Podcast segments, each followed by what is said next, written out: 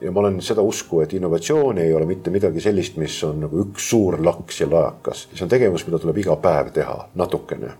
ja see tähendab tegelikult seda, et innovatsioon ja uuendused on selline pikamaa jooks. ja see pikamaa jooksul starti sa ei lähe niimoodi, et ma nüüd lähen ja proovin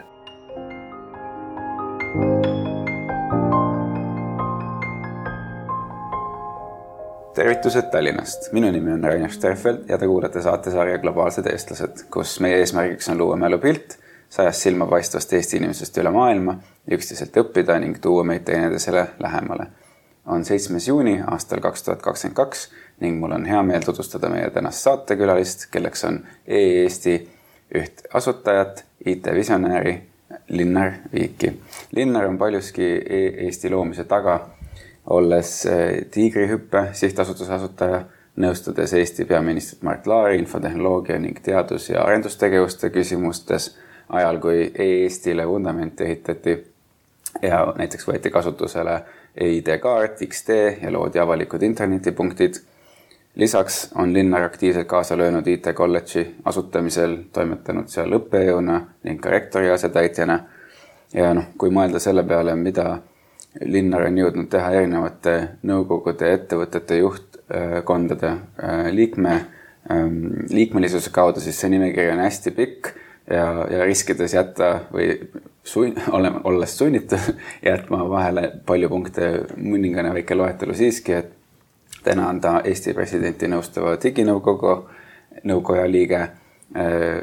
on olnud EIT Digital ehk siis Euroopa Innovatsiooni ja Tehnoloogia Instituudi nõukogu esimees, eesti keeles siis Stockholmi Keskkonnainstituudi ehk SEI nõukogu liige, E-Estonia nõukogu liige, ähm, E-riigi Akadeemia äh, kaasasutaja, Lissaboni nõukoja nõukogu liige, äh, Eestile väga siis väga tuntud ähm, Mobis Solutions kaasasutaja, millest ka täna räägime. Töötanud ka Skype'is ja, ja tema tööd on kõrgelt tunnustatud riiklikult erinevate äh, teenetemärkidega äh,, alates Valge Tähe viienda klassi ordenist ja, ja mitmete teistega. ta on õppinud Tallinna Reaalkoolis ja, ja, ja siis edasi Tehnikaülikoolis, mille ta lõpetas majandusinsenerina. Ja, ja äh, üheksakümmend kuni üheksakümmend kolm aastatel õppis ta Helsingi Tehnikaülikoolis rahvusvahelise majanduse ja tehnoloogia osakonnas, nii et tere tulemast saatesse, Linnar. tere tulemast. mul on suur au, et sa, et sa võtsid aega siia tulla. Äh, pikalt oleme tahtnud seda saadet teha. oleme otsinud õiget aega ja tundub, et praegu on ähm, Eesti ja ühiskond sellises kohas, kus võiks sellist, sellist sin, sinu lugu ähm, pikemalt rääkida äh, kirjelda seda keskkonda, milles kasvasid, kus sündisid ja milline, kes või mis sind vormisid ja mõjutasid? mina sündisin Tallinna südalinnas, Vabaduse väljakul, praktiliselt äh, nii südalinnas kui veel saab olla ja minu lapsepõlv mööduski südalinna parkides ja, ja vanalinna tänavatel, mis oli sel ajal totaalne agul ja õppisin Tallinna teises keskkoolis, praeguses reaalkoolis äh, alates nullklassist kuni lõpuni välja. Ja, ja, ja ma arvan, et, et kujul või teisel äh, sind kujundavad sinu perekond, lähedased, klassikaaslased, õpetajad koolis ja ma arvan, et tegelikult minu jaoks tol hetkel ja ma usun, et päris paljude jaoks minu äh, minu koolikaaslaste jaoks samuti on, on selgelt kool jätnud väga tugeva jälje, et see, see vaimsus, mida nõukogude ajal reaalkoolis kanti, oli, oli midagi hoopis teistsugust. ma veetsin hästi palju aega looduses. Äh, ja, ja, ja mulle väga meeldis ja siiamaani meeldib meri ja mets ja ja, ja loomad ja loodus ja, ja need olid asjad, millega ma tundsin ennast hästi loomulikult ja tunnen siiamaani loomulikult ja ja mind ümbritsesid hästi varajasest elust alates äh, raamatud ja, ja, ja ma arvan, et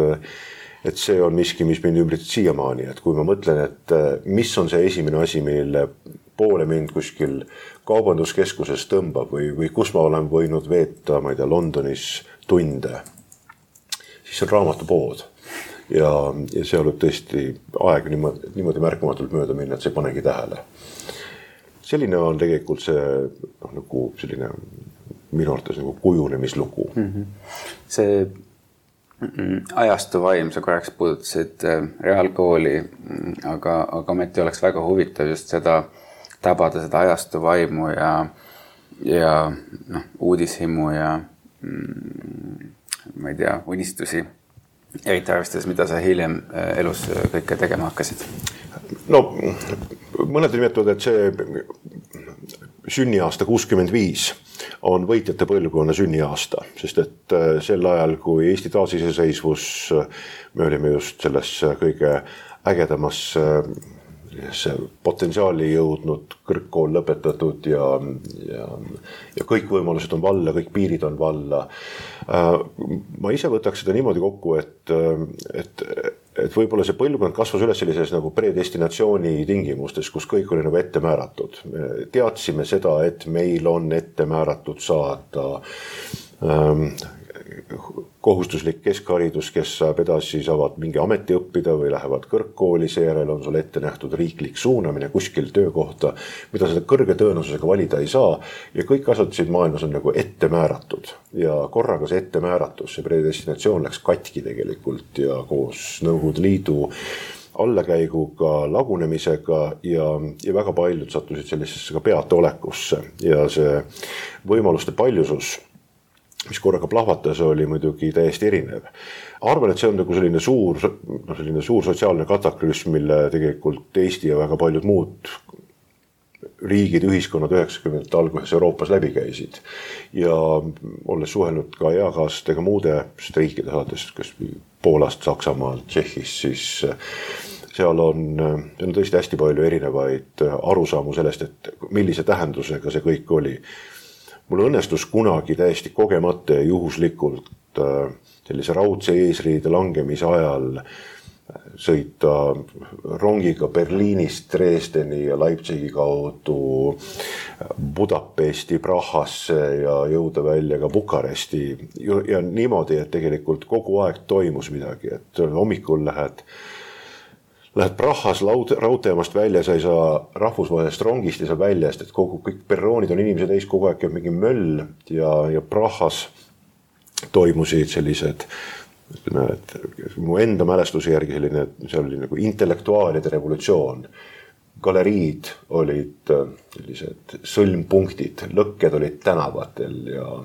ja samas Dresden oli selline nagu maailma kõige kentsakam revolutsioon, mida ma iialgi olen näinud, et pärast tööpäeva lõppu kell kuus hakkasid kõik marssima ja marssisid koos ja siis äh, seal suurel platsil need, kes tahtsid äh, Ida-Saksa jätkumist keerasid vasakule ja need, kes tahtsid kahe Saksamaa liitumist, keerasid paremale ja hakkasid tegema eraldi manifestatsiooni. joodi õlut, söödi vorsti ja kella kaheksa ajal mindi laiali. selline, selline, selline orkestreeritud insener-tehniline revolutsioon oli ühel pool ja teisel pool korraga on sul Prahas on selline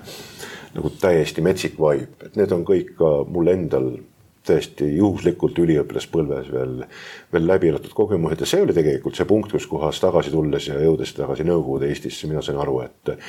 et see, see ongi see, mis on praegu toimumas, see ongi see, et see on nii-öelda uus Euroopa kord, uus Euroopa kaart tekib praegusel hetkel. ja mitte ainult nagu piirijoontega piiride vahel, vaid tegelikult väärtustega ja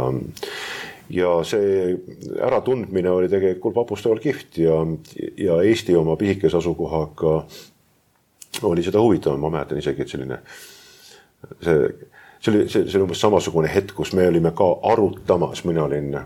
üheksakümnendal aastal juba otsaga jõudnud ka Helsingisse Tehnikaülikooli ja kus me arutasime, mul oli, noh, minu, mul oli internet olemas seal. meil oli kõigil teaduritel olid elektronposti aadressid olemas, kasutasime Gopherit ja noh, selliseid primitiivseid World Wide Webi eelkäijaid, hüperteksti sirvijaid ja tegime liste ja me arutasime tõesti seda, et nii, et kuidas me saaksime nüüd siis nagu, noh, et kui, kui, kui telefon ja, ja raadio ja ja kõik muud asjad maha võetakse, et kuidas saaks nagu infot Eestist kätte ja seda levitada ja sellised Useneti listid said loodud ja, ja arutatud selle üle, et kuidas siis kuidas siis nagu Eestile toeks olla ja, ja samamoodi, et kus siis olla samal ajal, kas olla Eestis või olla igaks juhuks piiri taga. Ja, ja see, see ebakindlus oli, oli, oli loomulikult õhus. aga see oli, see oli kindlasti nagu üks selline oluline murranguline hetk, aga mitte minu jaoks ainult, vaid kogu ähm, kogu, kogu, kogu Euroopa ühiskonna jaoks mm. -hmm. ma, ma nii tahaks neid asju kohe küsida, ma hüppan korraks veel tagasi, enne kui me sinna täiesti sinna substantsi juurde läheme, et mm,. sa lõpetasid reaalkooli ja siis läksid Tehnikaülikooli, et millised valik-, sa ei tahtnud minna, mis su valikud olid või mis mõtted olid äh,? ma tahtsin minna eesti kirjandust, eesti keelt ja kirjandust õppima. ja see oli niisugune ebaoluline äh, kõrvalhüpe, ma olin nii kõrvuni armunud sel suvel, et ma jätsin äh, paberid õigeks ajaks sisse viimata Tartu Ülikooli. ja siis mu pinginaaber isa, kes oli tipis dekaan, põhimõtteliselt siis võttis mu nagu käe kõrvale ja viis nagu erialade valiku nimekirja ette et tipis oli ka tegelikult lõppenud sel ajal nagu vastuvõtt, aga kuna mul oli, kuna mu lõpuhinne ja, ja nii-öelda koolitunnistus, kool ise ka, Tallinna Teine Keskkool oli sel ajal noh, nii-öelda väga kõrge kraadiga kool siis mul lõputunnistus oli nii piisavalt hea, et sa saad ükstaspuha kuhu sisse siis ta viis mu majandusteaduskonna dekaani juurde, kes ütles, et noh, et vali siis välja, ma valisin välja kõrgema konkurentsiga eriala, milleks oli majanduse infotehnoloogia ja ja siis ma sattusin seda õppima pärast seda, kui ma olin äh, edukalt nii endal kui ka tagaistujal ja kõrvalistujal matemaatikaeksamid sisseastumiseks ära sooritanud tipis ja, ja füüsikaeksamil vist oli ainukene küsimus oli, kes oli see füüsikaõpetaja ja siis, kui ma vastasin, siis ta ütles, et aa, et kas ta noh, nagu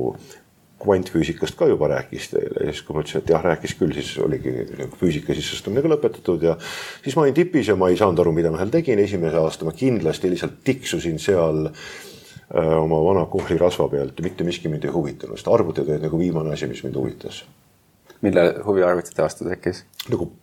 päris, päris huvi tekkis ikkagi siis, kui ma sattusin äh, Soome Helsingisse. see oli midagi, see oli midagi hoopis teistsugust, et kui Eestis oli peaasjalikult sellised Nõukogude derivaatarvutid, mis olid tegelikult äh, reverse engineeritud IBM-i või mingi muu asja pealt või Ida-Saksa või, või Bulgaaria sellised personaalarvutid ka samuti nagu nii-öelda äh, piraat, derivaat operatsioonisüsteemidega ja, ja eelkõige nagu küsimus ei olnudki mitte arvutites, vaid selles, mida sellega tehti, need ülesanded ja ülesande püstitused olid äh, elukauged siis Helsingis ma sattusin kokku ikkagi asjadega, mis ei olnud enam nagu noh, arvutite noh, jõudlus oli hoopis teine, aga ülesanded, mida lahendati nende abil, olid teised hoopis. ja see oli selline esimene nii-öelda personaalarvutite põhirevolutsioon, kus meil oli nagu paralleelprotsessoritega, sellised Hewlett Packardid, millega tegelikult sai nagu, nagu jõuga asju teha, sai, sai, sai animatsioone teha ja sai simulatsioone teha ja, ja need tegid, tegid nagu päris asju, mis, mis tunduski nagu asjalik ja asjakohane. Ja sealt tekkis mul esimene arusaam, tõeline arusaam sellest, et, et et kõigi inimesteni kättesaadavad arvutid ja internet muudab maailma lõplikult ja, ja see muutus saab olema väga dünaamiline ja sellel muutusel ei ole noh, nagu sihukest noh, nagu viimast kuupäeva olemas, et see ei ole, ütleme, et kümme aastat toimub ja siis on valmis, vaid see jääbki nagu lõputuks arenguks. Ja see hakkas mind paeluma ja sellest hetkest alates ma olen püüdnud ennast rohkem paigutadagi mitte nagu tehnoloogia poolele, aga tehnoloogia ja ühiskonna või tehnoloogia ja tarbija, tehnoloogia ja mingisuguse probleemi vahele, püüdes mõista seda, et kas ja millisel viisil on kõige otstarbekam seda probleemi digitehnoloogia abil lahendada. Ja teiselt poolt siis mõista ka seda, et milline on see süvatehnoloogia ehk milline on tehnoloogia enda arengusuund ja mis on siis need järgmised võimalused, mis on see, mida praegu ei ole veel mõtet teha ja püüelda, mille poole, aga mille poole tõenäoliselt järgmise tehnoloogia generatsiooniga on võimalik juba jõuda. sa mainisid, et äh, esimene aasta TTÜ-s oli selline tiksumine. kas äh, sel ajal oli nii, et sa õppimise kõrvalt tegid äh, midagi muud või mida sa tegid siis? Äh, ja ma tegin sporti, käisin laulmas koorides ja jooksin tüdrukute järel ja kõikvõimalikke muid asju, aga mul oli ka jah, siis me hakkasime, see oli nagu esimesed korrad, äh, kus ma päriselt tege-, tegelikult päriselt jõudsime ka nagu noh, nagu programmeerimiseni välja ja ja, ja ja selliste anomaalsete asjadeni ma olen siiamaani mäletan seda, kuidas me ähm, siit aknast peaaegu nähtava olümpiahotellis korraldasime hasartmänge nõukogude ajal. komsomoli keskkomitee ja vist ka, ma ei tea, KGB tellimusel. kokkuvõttes Moskvas toim- või kuskil, kuskil toimusid jäähoki mm ja korraldati põrandaalune loterii Äh, noh, nii-öelda spordiennustusmäng, kus äh, minu ja ühe mu kursakaaslase ülesandeks oli teha valmis Debase'is andmebaas, kuhu oli võimalik sisestada kõigi pileti ostnute panused ehk siis kõik ennustused, kus nad pidid iga mängu võitja välja ennustama alates alagruppidest kuni finaalini. Ja siis me printisime maatriks printeril tohutu hunniku neid pileteid välja, igal, igal nii-öelda tabelil oli oma number peal, unikaalne number ja siis meid pandi olümpiahotelli elama ja siis, kui mäng läbi sai, hokimäng, siis telefon läks punaseks. sel ajal oli hotelli telefoninumbrid olid nii-öelda avalikud linnaliini numbrid, kuhu said kõik helistada. siis keegi ütleb nagu oma piletinumbri ja meie pidime vastu ütlema, millises, milline on tema positsioon edetabelis parajasti selles arvamismängus mm. -hmm sularahahunnikud ja kõikvõimalikud muud asjad ja meil päris paras hirm oli ka selle asja eest, aga noh, meie tudengitena saime olümpias süüa ja saime mõnusasti olla ja noh, ütleme, need olid nagu sellised nagu esimesed päris asjad, mida sai nagu kus said aru, et tegelikult nagu arvuti abil oli sellist asja võimalik teha, mida ei olnud võimalik nagu käsitsi tegelikult teha. aga need olid tõesti sellised endiselt mina nimetaksin seda nagu tiksumiseks. milline oli esimene päris töökoht, kas ülikooli ajal või, või peale ülikooli? jällegi, see oli nagu ülikooli ajal nagu mängu, kõik need töökohad olid mängutöökohad. siit aknast jällegi, kui hakata siit midagi, ükski kuulaja ei saa aru sellest, millest ma räägin, aga Estonia ooperiteatri vastas on, oli kunagi ehituse teaduslike uuringute instituudi arvutuskeskus. ehituse teaduslike uuringute instituut ja seal me tegime samuti väga-väga olulist tööd. Äh, nimelt üliõpilaste ülesandeks oli siis enam mitte maatriks, aga suurel trummelprinteril välja printida äh, järgmise nädala Soome televisioonikava. ja, ja see tuli Soome teksti tv-st, see siis kirjutati ringi ja siis meie asi oli seda tohututes hunnikutes välja printida ja siis tuli mingisugune suur ohvitser tuli jälle järele, see anti üle ja ja me saime lihtsalt tipilisa selle kõige kõrvalt. samamoodi, ma arvan, et esimene nagu päris asi, mis mind paelus tõesti oligi tegelikult Helsingis Tehnikaülikoolis, kus oli toimumas tegelikult arhitektuuri visualiseerimine. Ehk me sidusime omavahel kokku eksisteerivad linnavaated koos kolmemõõtmeliste uute projekteeritavate asjadega ja ja see oli tegelikult juba, juba midagi hoopis teistsugust, see oli nagu fantastiline tunne et äh, sa lähed äh, õhtul lähed arvutitööle ja hommikuks on sul kaheksa sekundit animatsiooni olemas, mis noh, tänapäeva arvuti jaoks võtab aega võib-olla mõne hetke, aga need olid nagu noh, põnevad, ägedad, kihvtid ülesanded. sa mainisid, äh, et Helsingis oli, oli juba internet ja kõik see, mida te juba seal tegite. selle Helsingi perioodiga paralleelselt oli sul ka Stockholmi see elu hakkas tekkima. hakkas just peale sellest hetkest, kui jällegi mind kutsuti just infotehnoloogia valdkonnas just tegelikult hästi huvitavasse asja. Stockholmi Keskkonnainstituut on tegelikult teadusasutus, mis tegeleb teaduse interpreteerimisega noh, poliitikutele arusaadavatesse keelde ja poliitika soovitustesse. ja üks oluline osa tegelikult keskkonnamõjude hindamisel ka tänapäeval on, on andmed. minu rolliks oli tegelikult andmete korrastamine, süstematiseerimine ja, ja nende aegridade põhjal leida viise, kuidas anda teaduslikku kinnitust sellele, mida ollakse poliitikasoovitusteks välja toomas. see oli, see oli, see oli ägedat partnerid esimest korda nagu väga rahvusvahelises võrgus koos Bostonis olevate inimestega, koos Dublinis olevate inimestega. see oli, see oli, see oli nagu põnev periood ja tegelikult see nagu Bostoni telg äh, oli just äh, andmepõhiste otsuste tegemiste juures väga kihvt ja, ja sealne äh, seltskond, kes oli kujul või teisel ka MIT taustaga, olid, äh, olid, olid ikkagi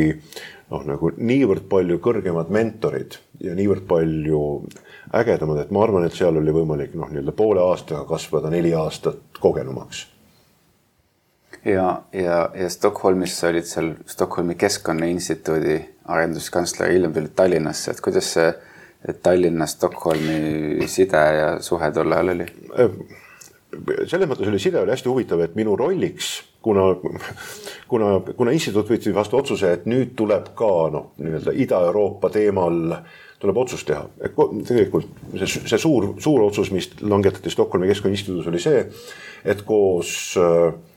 demilitariseerimisega ja, ja Nõukogude sõjaväe lahkumisega, aga ka väga suure majanduse struktuuri muutusega hakkab keskkonnamõjude risk olema endistes sotsialismiriikides, endistes Nõukogude Liidu vabariikides väga kõrge. siis oleks hästi oluline tegelikult tuua sisse uus, mitte looduskaitse, aga keskkonnateema ja, ja keskkonnamõjude teema ja, ja nõukogu langetas otsuse, et nad tahavad, teevad uue keskuse mitte Budapesti, mitte Varssavisse, vaid teevad Tallinnasse ja, ja siis umbes vaadati uksest välja, et kas meil on siin mõni eestlane lähedal, kes võiks aidata kaasa selle keskuse avamisele ja selle äh, instituudi asepeadirektor Lars Kristofferson oli, sattus olema mul tegelikult ka väga hea äh, mõttekaaslane ja tema ütles, kuule, et aga võtame ette lähme hakkame Tallinnas seda tegema ja, ja, ja nii ma sattusin tegelikult selleks inimeseks, Tallinnas aitas käivitada seda uut keskust ja mul on väga hea meel, et tegelikult võib-olla see elu on ka selles mõttes helde olnud mu vastu, et, et ma olen näinud seda ja see Stockholmi Keskkonnainstituudi Tallinna keskus oli esimest korda, kui ma noh, nagu midagi, ei millestki midagi tegin. ja, ja mul on hea meel alati olnud näha seda, et organisatsioonid äh, mida ma olen aidanud käivitada või luua või tooted või, või teenused, mida ma olen aidanud käivitada äh,, elavad äh, oma elu edasi ka ilma minuta. Et see ei ole mitte niimoodi, et nüüd kõik variseb kokku, kui üks inimene nagu välja läheb sellest kaardimajakesest, vaid nad on piisavalt tugevalt äh, üles ehitatud ja suudavad jätkata. Ja mul on väga hea meel olla tagasi praegusel hetkel SEI Tallinna nõukogus ja, ja näha, et sellest on kasvanud minu arvates nagu äh, Äh, Eesti kõige mõjukam ja kõige kvaliteetsem, kõige rahvusvahelisem mõttekoda äh, kõigis erinevates keskkonnateemades mm. -hmm. et sinu seda ajajoont jälgides on nagu äh, raske nii-öelda hoida ühte teemat ja siis, siis hüppada teise teema, seal on hästi palju paralleelseid asju ja üheksakümnendad oligi selline aeg, et Eesti vabaks saamine ähm, langes suuresti kokku sellise internetirevolutsiooni ajastuga ja selleks, nagu sa mainisidki, ei olnudki võimalik nagu justkui valmis olla, et see lihtsalt juhtus. ja, ja võib-olla ma tahaksin ikkagi seda siduda, seda küsimust, ütleme, tiigrihüppe äh, sihtasutusega, et, et, et sa oled öelnud, et sul on hästi tugev veendumus või oli hästi tugev veendumus tol ajal, et, et tuleb teha kolme asja, et inimestele tuleb võimaldada ligipääs internetile ja kõik peavad oskama kasutada internetti ja neile peab olema teenused, mida nad saavad kasutama. mida sa sel ajal ise lootsid, kuhu see viib? Mina olin näinud seda, et kui mul on olemas ligipääs piiramatule informatsioonile, siis minus kasvab uudishimu ja minus kasvab äh, ma ei, ma ei taha öelda nagu tarkus, aga, aga aga ligipääs informatsioonile ja, ja teistele inimestele ja teistele mõtetele äh, teeb, teeb inimese suuremaks ehk jällegi püüdes seda seletada kuidagi, ma olen veendunud selles, et, et, et eelkõige väikesed ühiskonnad ja väikesed kogukonnad äh, sõltuvad väga palju sellest, kui palju on neil ligipääsu ülejäänud maailma teadmistele ja erinevatele seisukohtadele, erinevatele lahendustele, erinevatele lähenemistele. ja minu uskumus oli see, et digitehnoloogia abil on võimalik inimestel tagada ligipääs lõputule hulgale informatsioonile, luues nende ümber need teenused, mis veel paremini aitavad neil ligi pääseda sellele informatsioonile. ja inimesed muutuvad selle kaudu suuremaks ja rikkamaks ja väike ühiskond muutub seda suuremaks mida rohkem on tal ligipääsu. ehk seesama vana näide selle kohta, et kui mul on, kui mul on üks õun ja ma annan selle sulle, siis mul enam ei ole õuna ja sul on õun, aga kui mul on üks idee või teadmine, mida ma annan sulle, siis sul on see teadmine olemas ja mul on ka see endiselt olemas, et ma ei jää mitte millestki ilma, kui ma jagan teadmisi. ma olin võib-olla ka natukene oma hariduse tõttu, ma olin sellises, uskusin, usun siiamaani sellisesse nii-öelda popperlikku teadusteooriasse mille kaudu ma usun endiselt, et me saame paremaks, mida rohkem on meil teadmisi, see on nagu, ma ei tea, inimese kui liigi üks eripära, et me oskame neid teadmisi talletada ja nende teadmiste põhjal järgmisele põlvkonnale paremat maailma edasi anda. ja see teadmiste kogum, mis meil on võimalik saada, on võitjamad, on väiksemad ühiskonnad, kuna nendel on alati kõigest nii-öelda ülejäänud maailma käest rohkem saada. mul on alati meeles see, kuidas mulle Helsingis majandusteooria professorid seletasid seda, et, et tol ajal, üheksakümnendatel ainult, ainult viis protsenti kogu Soome innovatsioonist, arendustegevusest, inseneritehnoloogiast, arendustegevusest baseerub Soomes olevatel teadmistel ja see oli nii-öelda infoühiskonna või teadmiste ühiskonna eelne hetk veel üheksakümnendate aastate alul. ja, ja see oli arusaamine, et kui sa tahad mingi hea informatsioonile või heale ideele, siis ära vaata nagu lähimale inimesele otsa, vaid vaata parimale inimesele otsa ja parim inimene infoühiskonnas on, on sama kaugel kui lähim inimene ehk see oli selline nagu, nagu teineteist toitev ring, et sa ei saa inimestele võimaldada ligipääsu informatsioonile, kui neil ei ole ligipääsu sellele tehnoloogiale. sul peab olema piirideta ligipääs inf sellele informatsioonile selle tehnoloogia kaudu. ja kolmas on siis see, et sul peavad olema nagu teenused, mida kasutada ja need peavad olema kasutajakeskselt läbimõeldud, kõik, iga inimene on erinev kasutajakesksed teenused olid, oli see, see oluline aru, arusaam mõelda, mis on selle kasutaja fookuses ja tema, tema soovides mm. -hmm ja sel ajal sai loodud tegelikult ka vahetult esimesed ettevõtted. meediamaa, Teleport, kus me pakkusime ühelt poolt internetiteenust läbi dial-up'ide, ma ei tea, need moodemeid, ma mäletan, ma käisin tõesti Soomest kastidega toomas ja laevaga üle vedamas ja siis neid ühendati kokku omavahel ja pikendusjuhtmeid läks jube palju vaja ja kogu aeg neid toiteadaptereid läks katki ja need tuli ise juurde ehitada sel ajal ja. ja samal ajal Meediamaa tegi ka veebilehekülgi ja veebikataloogi ja mul on siiamaani meeles, kuidas me umbes nagu jututubades koos toonaste Yahoo ja Amazoni või Yahoo ja Alta Vista asutajatega koos arutasime, et milline võiks olla optimaalsem struktuur veebikataloogides. et kuhu paigutada kauplused ja kas kaubanduse alla või, või tööstus ja kus need võiks olla. et inimesed leiaksid kõige optimaalsemal viisil üles informatsiooni sellises veebikataloogide, veebilehtede kataloogi infopuus ja ja selle alla kuuluvad muud naljad ka nagu see, et näiteks kunagi oli Eestis telefoniraamat ilmus, igal aastal ilmus telefoniraamat ja me ühel aastal isegi suutsime teha sellise asja, et telefoniraamatu väljaandjat veensime et meil on meediamaas olemas Eesti veebilehekülgede ja veebiaadresside noh, nagu kogum. ja et lisaks sellele, et sul on siis telefoniraamatus telefoninumbrid, teeme ka interneti aadresside kataloogi sinna lõppu, kus on veebilehtede aadressid alates mõnedest firmadest, kes on siiamaani, kui ma vaatasin nagu vanimaid toonaseid veebilehti, Baltic Computer Systems, bcs.ee sellised domeenid on endiselt olemas ja, ja, ja neid on nagu päris palju, kes on kogu selle aja siiamaani esimestest paberil trükitud internetikataloogidest siiamaani alles. Need olid siuksed omaette teemad mm. selle kõrval see oli täiesti omal kohal, see Yahoo, ütleme, internetikataloogi loomise idee, et oli selline geomorfist, morfismist kantud noh, pärismaailma nagu representatsioon virtuaalmaailmas ja ja teisiti ei oleks seda võib-olla ette kujutanud, aga jah, see semantilise veebi piirid mm. tulid mm. üsna kiiresti ette.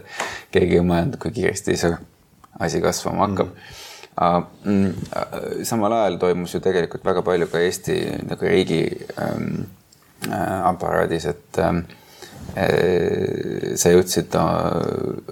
olla Mart Laari valitsuses ka, ka, ka mis ametlik ametinimetus üldse oligi? Äh, nõunik oli ametlik nimetus ja, ja ma olin enne seda vist aastast üheksakümmend viis oli meil selline asi olemas nagu informaatikanõukogu Äh, mis, mis oli riigisekretäri juures, käis koos ja ma olin selle liige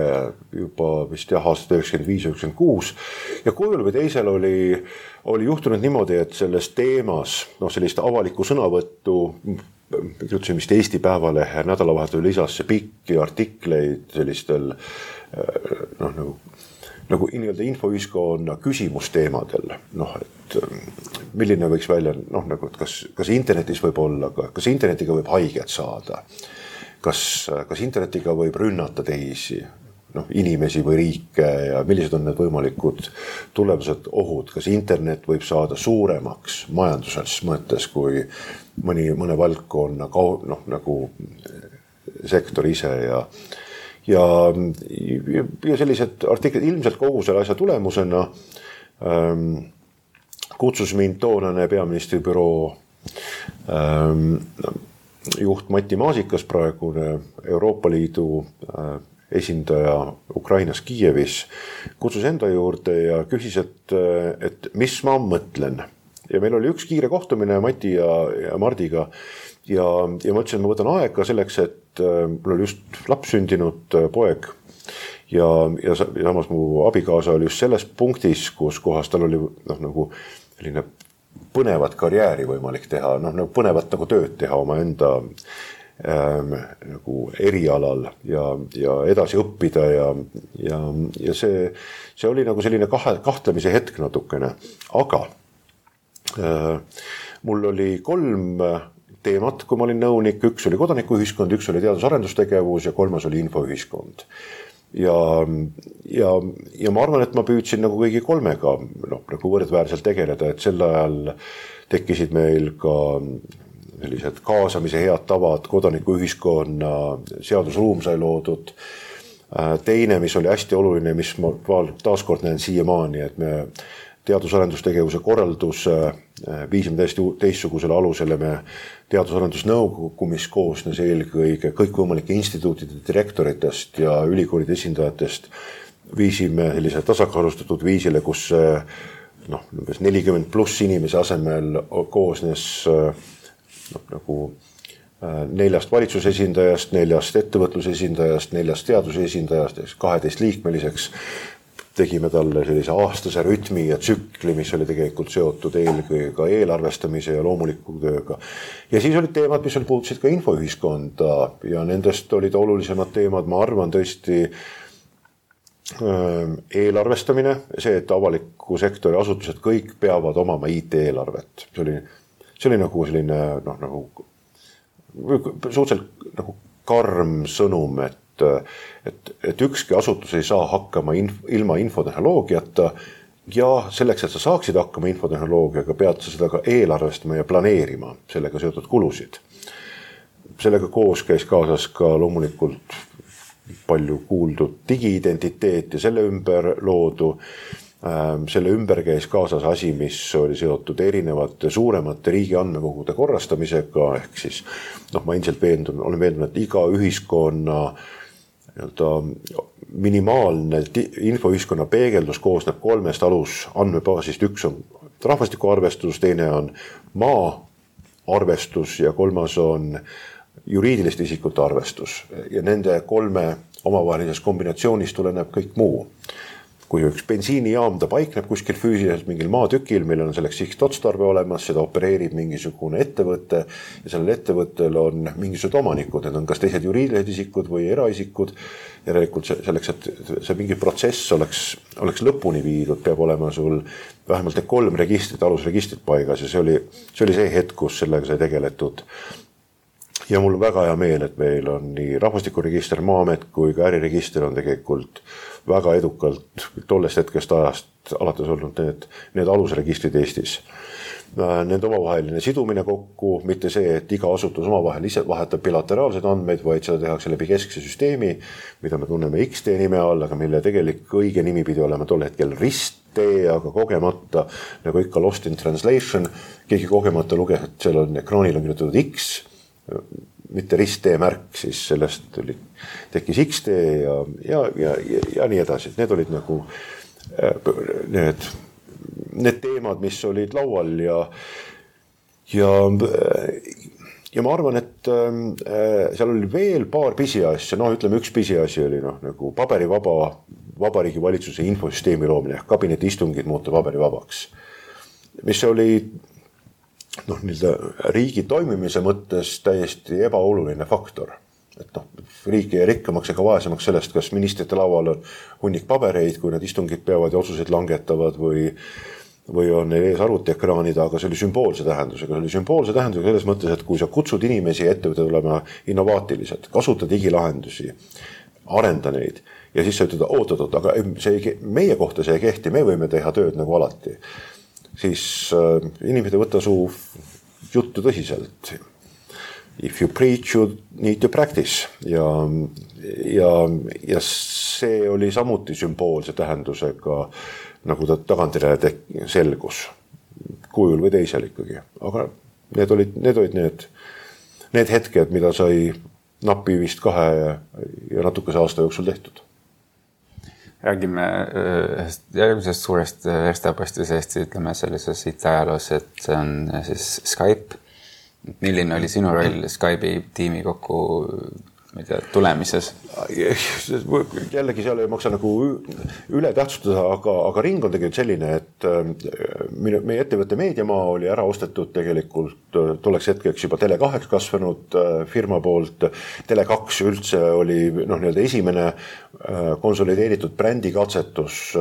Tele2 kontsernis ja ma minu roll oli olla naha ja karvadega selle meediamaa diilil kaasas, et, et äh, selline nii-öelda kuldsed käevõrud, et ma pidin olema ka Tele2-s, toonases siis nagu Netcomis ja,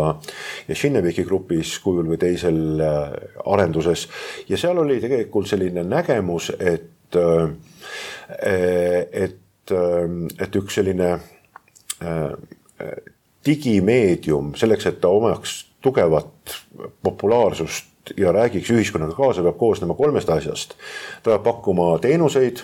ja teenuse all siis peeti silmas eelkõige elektronpostiteenust. Äh, seesama keskkond peab pakkuma ka interneti otsimootoreid ja internetikataloog, et sa jõuaksid infoni ja kolmas oli see, et ta peaks pakkuma ka uudiseid, uudisvoogu. ehk seda nimetati siis tol hetkel nagu teise põlvkonna portaaliks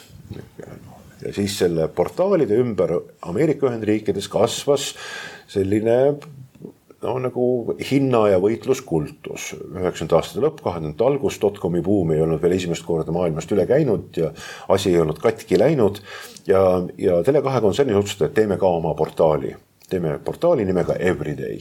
ja selle portaali siis skaleerime erinevatesse riikidesse ja selle portaali arendamiseks oli vaja ka uusi töövõtteid uusi, uus, uus, uut tehnilist platvormi.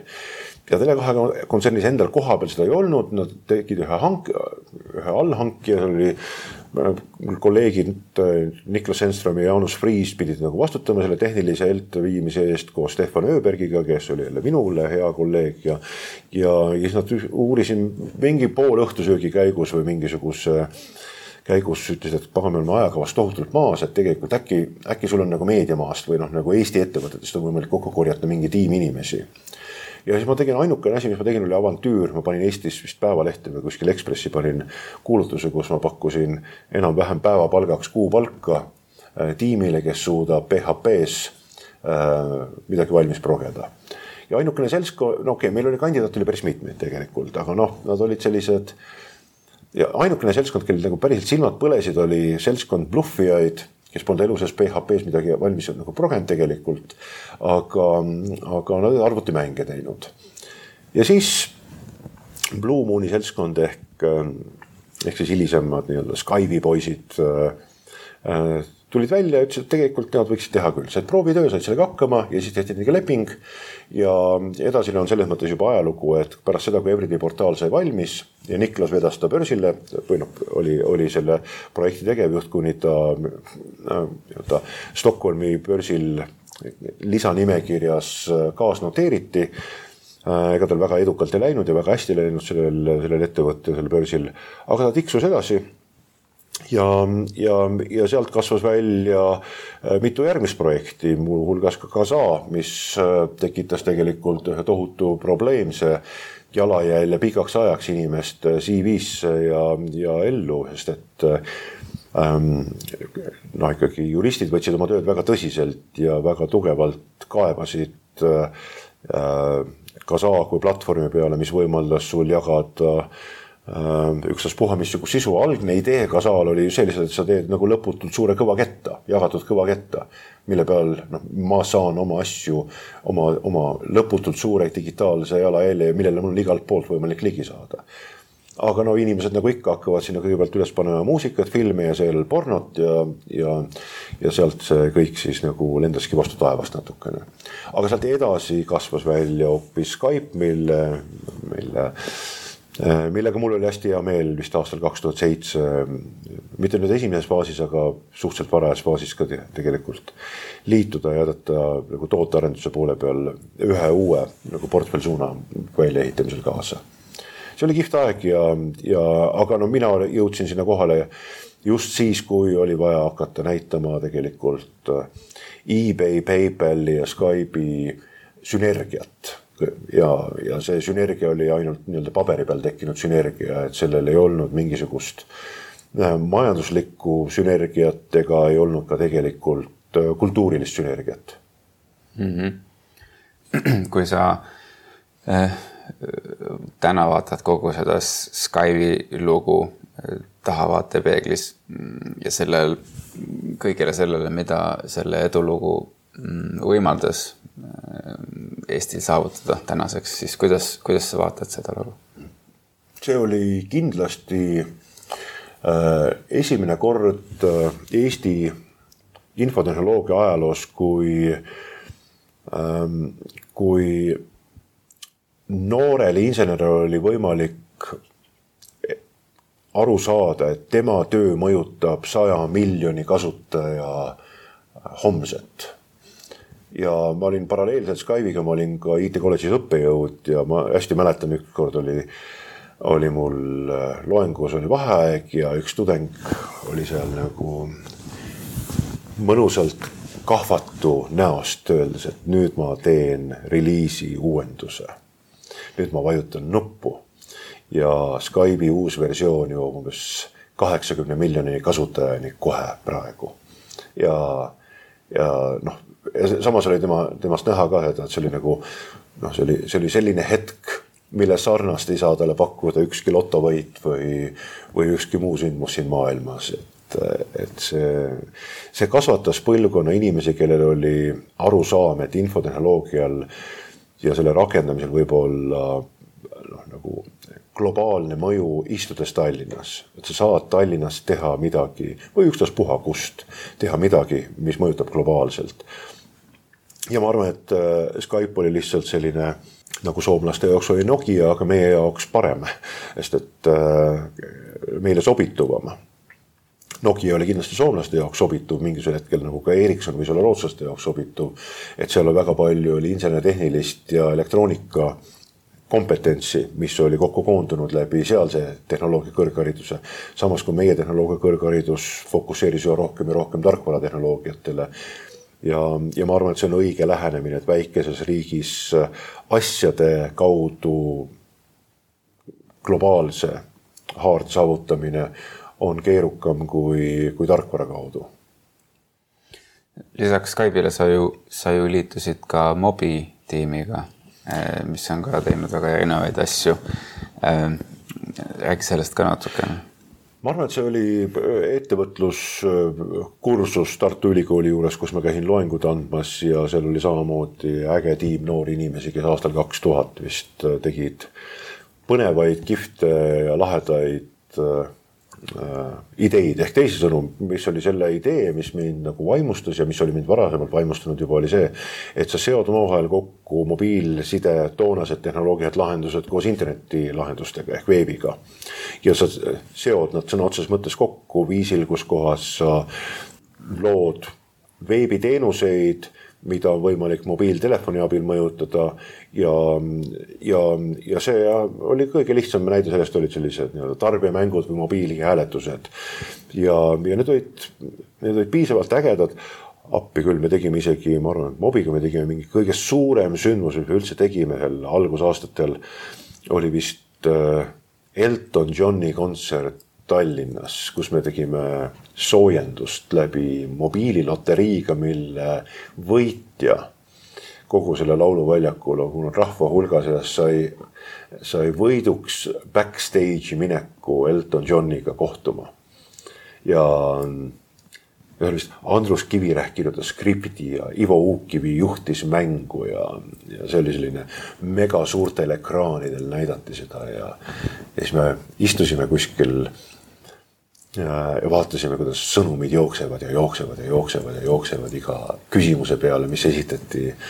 seal suurtel ekraanidel, et mis on Elton Johni päris nimi variant A, B või C ja siis nägime, kuidas hakkavad sõnumid tulema ja tulevad ja tulevad ja tulevad ja tulevad. siis on nagu teada, et kes on, kes on võitja ja, ja aga see oli, mis oli hästi oluline, oli see, et, et Mobi tiimis oli koos minu meelest nagu see, see õige gäng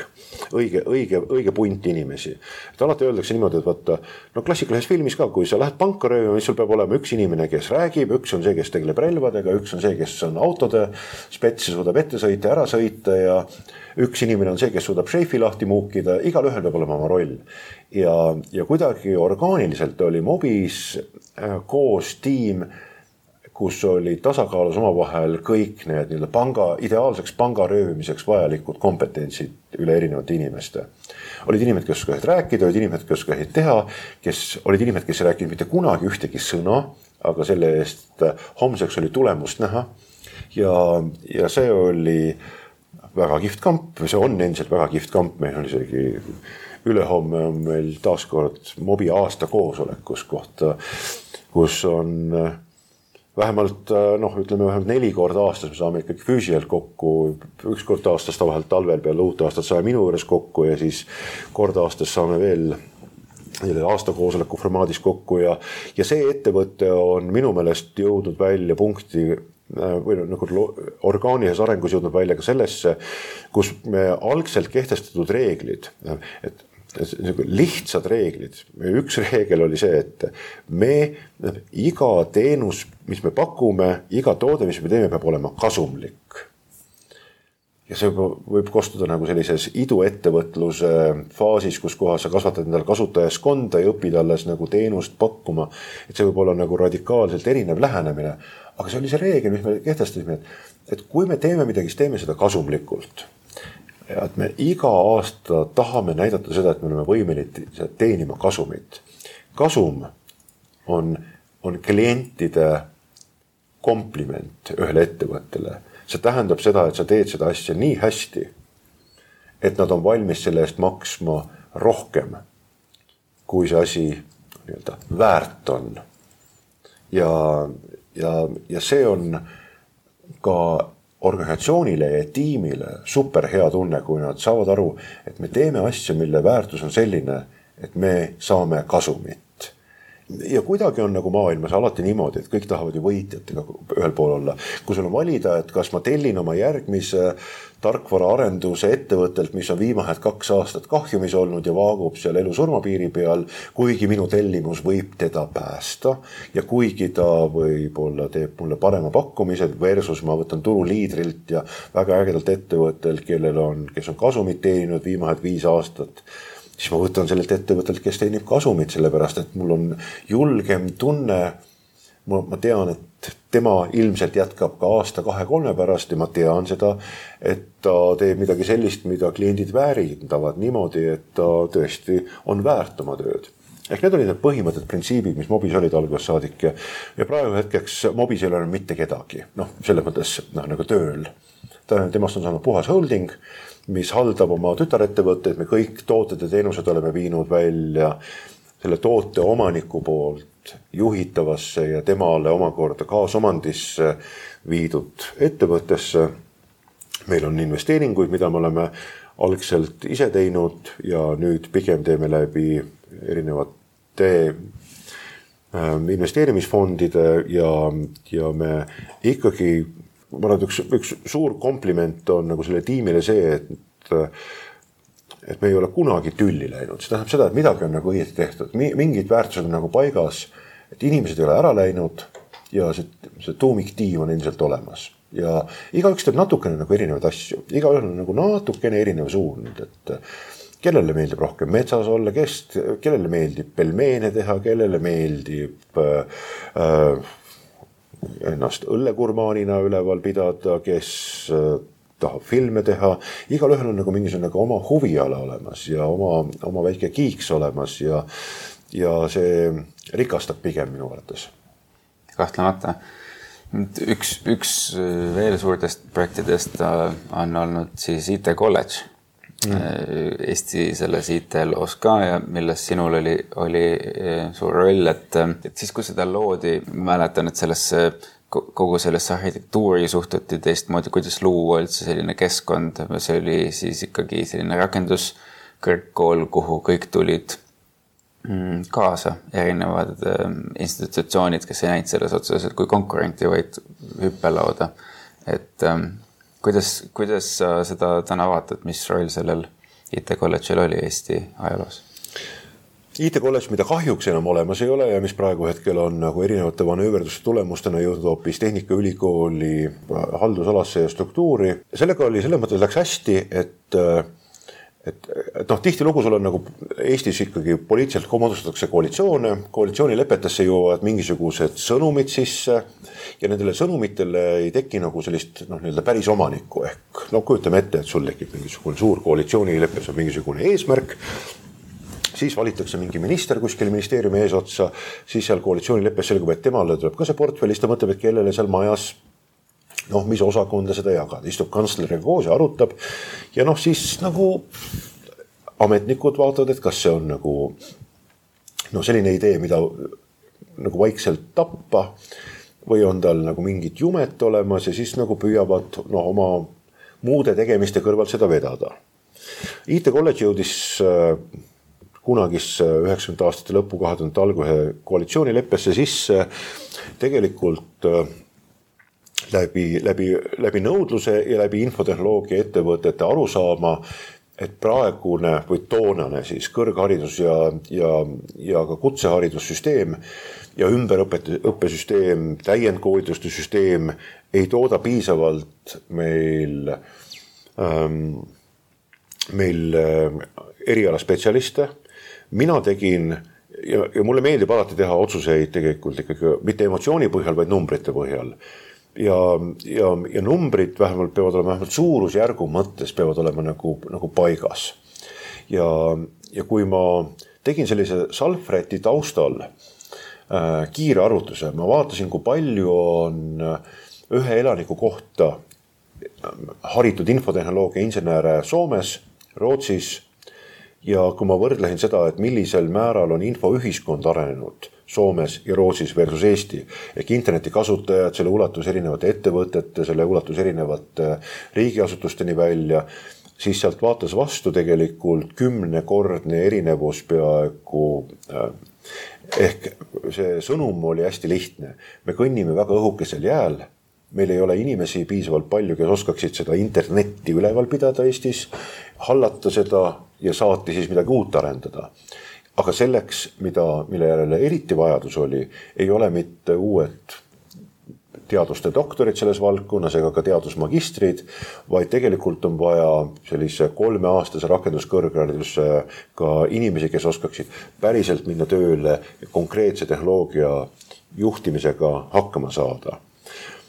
see oli nagu üks leitmotiiv selle juures. teine, mis oli hästi oluline, oli see, et see oli esimene kord Eestis, kui teaduskonnad lõhuti ära. ehk teaduskonnad, mis tegelesid no kujutame ette, et üks teaduskond tegeleb elektroonikaga, üks tegeleb sidega ja kolmas tegeleb tarkvaraga, siis aastal kaks tuhat oli, oli mul hästi resoluutne seisukoht, kus ma ütlesin, et et, et, et kõik need tehnoloogiad, mis on eraldi teaduskondadeks ehitatud, tegelikult eksisteerivad koos tervikuna ehk aastal kaks tuhat juba oli see hetk käes, kus kohas sa ei saanud rääkida sellest, et et side ei ole digitaalne, side on digitaalne või elektroonika ja riistvara ei vaja tarkvaralisi kihte või tarkvara eksisteerib omaette fenomenina. Ja ja mu ettepanek, mis õnneks läks ka väga ilusti tegelikult meil töökavasse, oli see, et me hoopis jagame äh, tehnoloogia rakenduse perspektiivist lähtuvalt erialasid ehk sul on olemas inimesed, kes tegelevad tehnoloogia arendamisega nii-öelda ei millestki millekski, tarkvaraarendus. ja sul on teised inimesed, kes peavad oma igapäevatööks seda tehnoloogiat elus hoidma ehk administraatorid, süsteemihaldurid. ja siis on olemas kolmas sort inimesi, kes tegelikult on süsteemi analüütikud või inimesed või arhitektid, kes äh, tulevad kliendi vajadustega tarkvaraarendaja juurde ehk nad sõnastavad äriprobleemi, aga nad suudavad seda äriprobleemi ja ülesannet sõnastada viisil, mis on arusaadav tarkvaraarendaja jaoks. ehk need olid need siis nagu elutsükli jaoks kolm-neli vist asja ja see on täiesti selge, et kui sa oled süsteemi analüütik, sa pead mõistma nii riistvara, tarkvara kui ka sidetehnoloogiat ja valdama neid samamoodi nagu tarkvaraarendaja, samamoodi nagu süsteemi administraator. esimesed aastad oli IT kolledžil keeruline noh, selles mõttes keeruline, et ta oli tasuline kõrgharidus, meil ei olnud mitte mingit riiklikku tellimust. ja me sisuliselt korjasime linna pealt kokku stipendiume. kes iganes oli nõus maksma natukenegi stipendiume lisaks õppemaksule, mis meil oli. ja, ja Sakala tänaval endises ametiühingute majas, praeguses kaitseministeeriumi hoones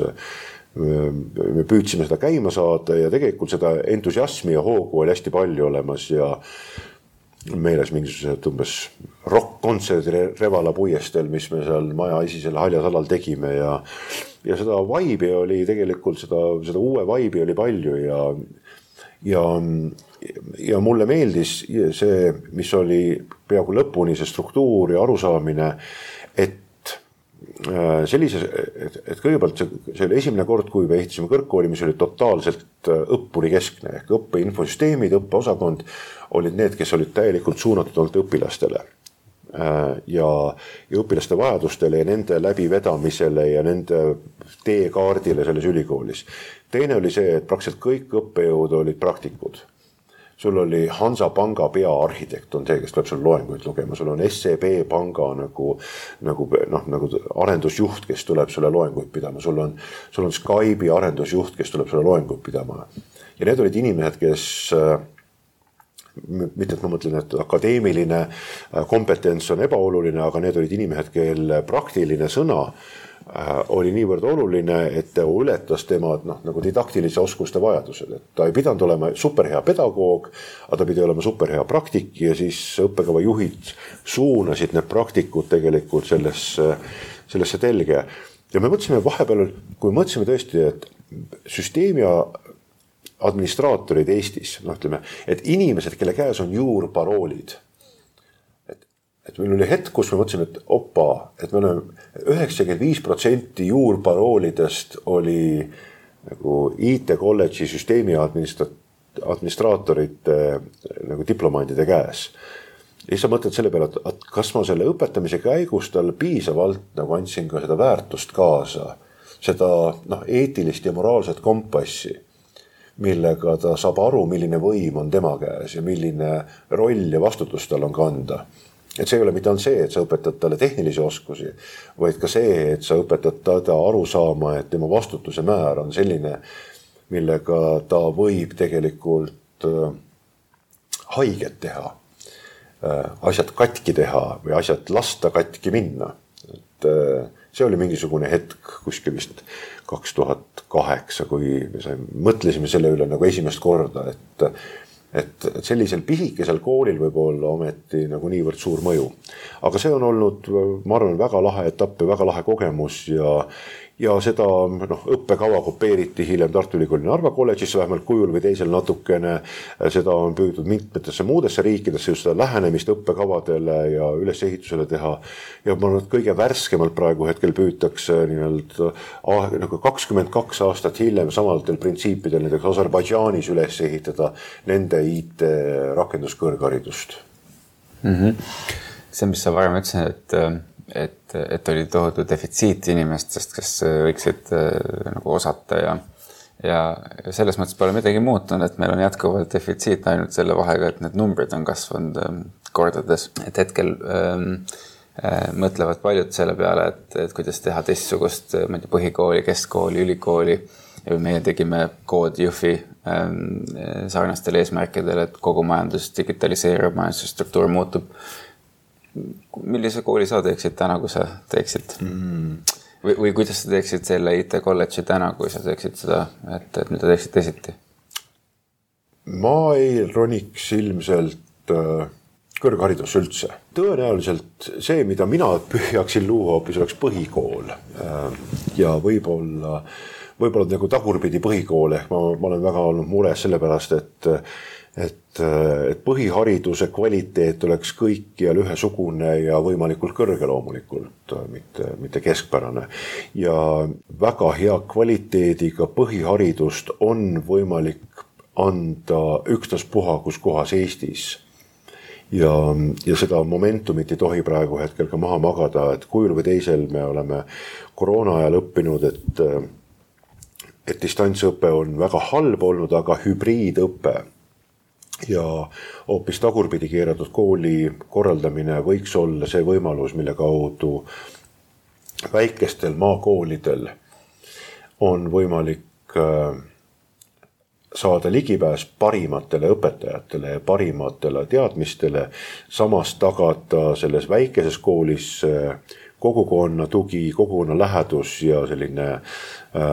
inimeseks kasvamise olulised aastad versus linnakoolid kui nii-öelda jõhkrat vahet tuua sisse nagu linna ja maakoolil, mida ei tohiks tegelikult teha. aga põhihariduseks see, millele ma fooku-, fookuse paneksin ja elukestev õpe oleks teine ilmselt, aga elukestvas õppes on ka nagu piisavalt palju motivatsioonifaktoreid, mis tuleks juurde luua selleks, et, et inimene tunneks seda vajadust, et tal on, et ta tahab ühe uue oskuse võrra rikkamaks saada. ja, ja seda on, seda on nagu vahel võib-olla argielus inimesed ei panegi tähele seda, aga aga see dopamiinilaks, mille sa saad, see biokeemiline kaif, mille sa saad sellest, kui sa oled omandanud ühe uue oskuse ja suudad seda kasutada. mis iganes valdkonnas, su esimene leib, mille sa oma enda küpsetatult ahjust välja võtad ja siis sa murrad seda ja maitsed, ütled vau. või esimese, esimene õunamoos, mille sa oled valmis keetnud ja maitsed seda, ütled päris hea.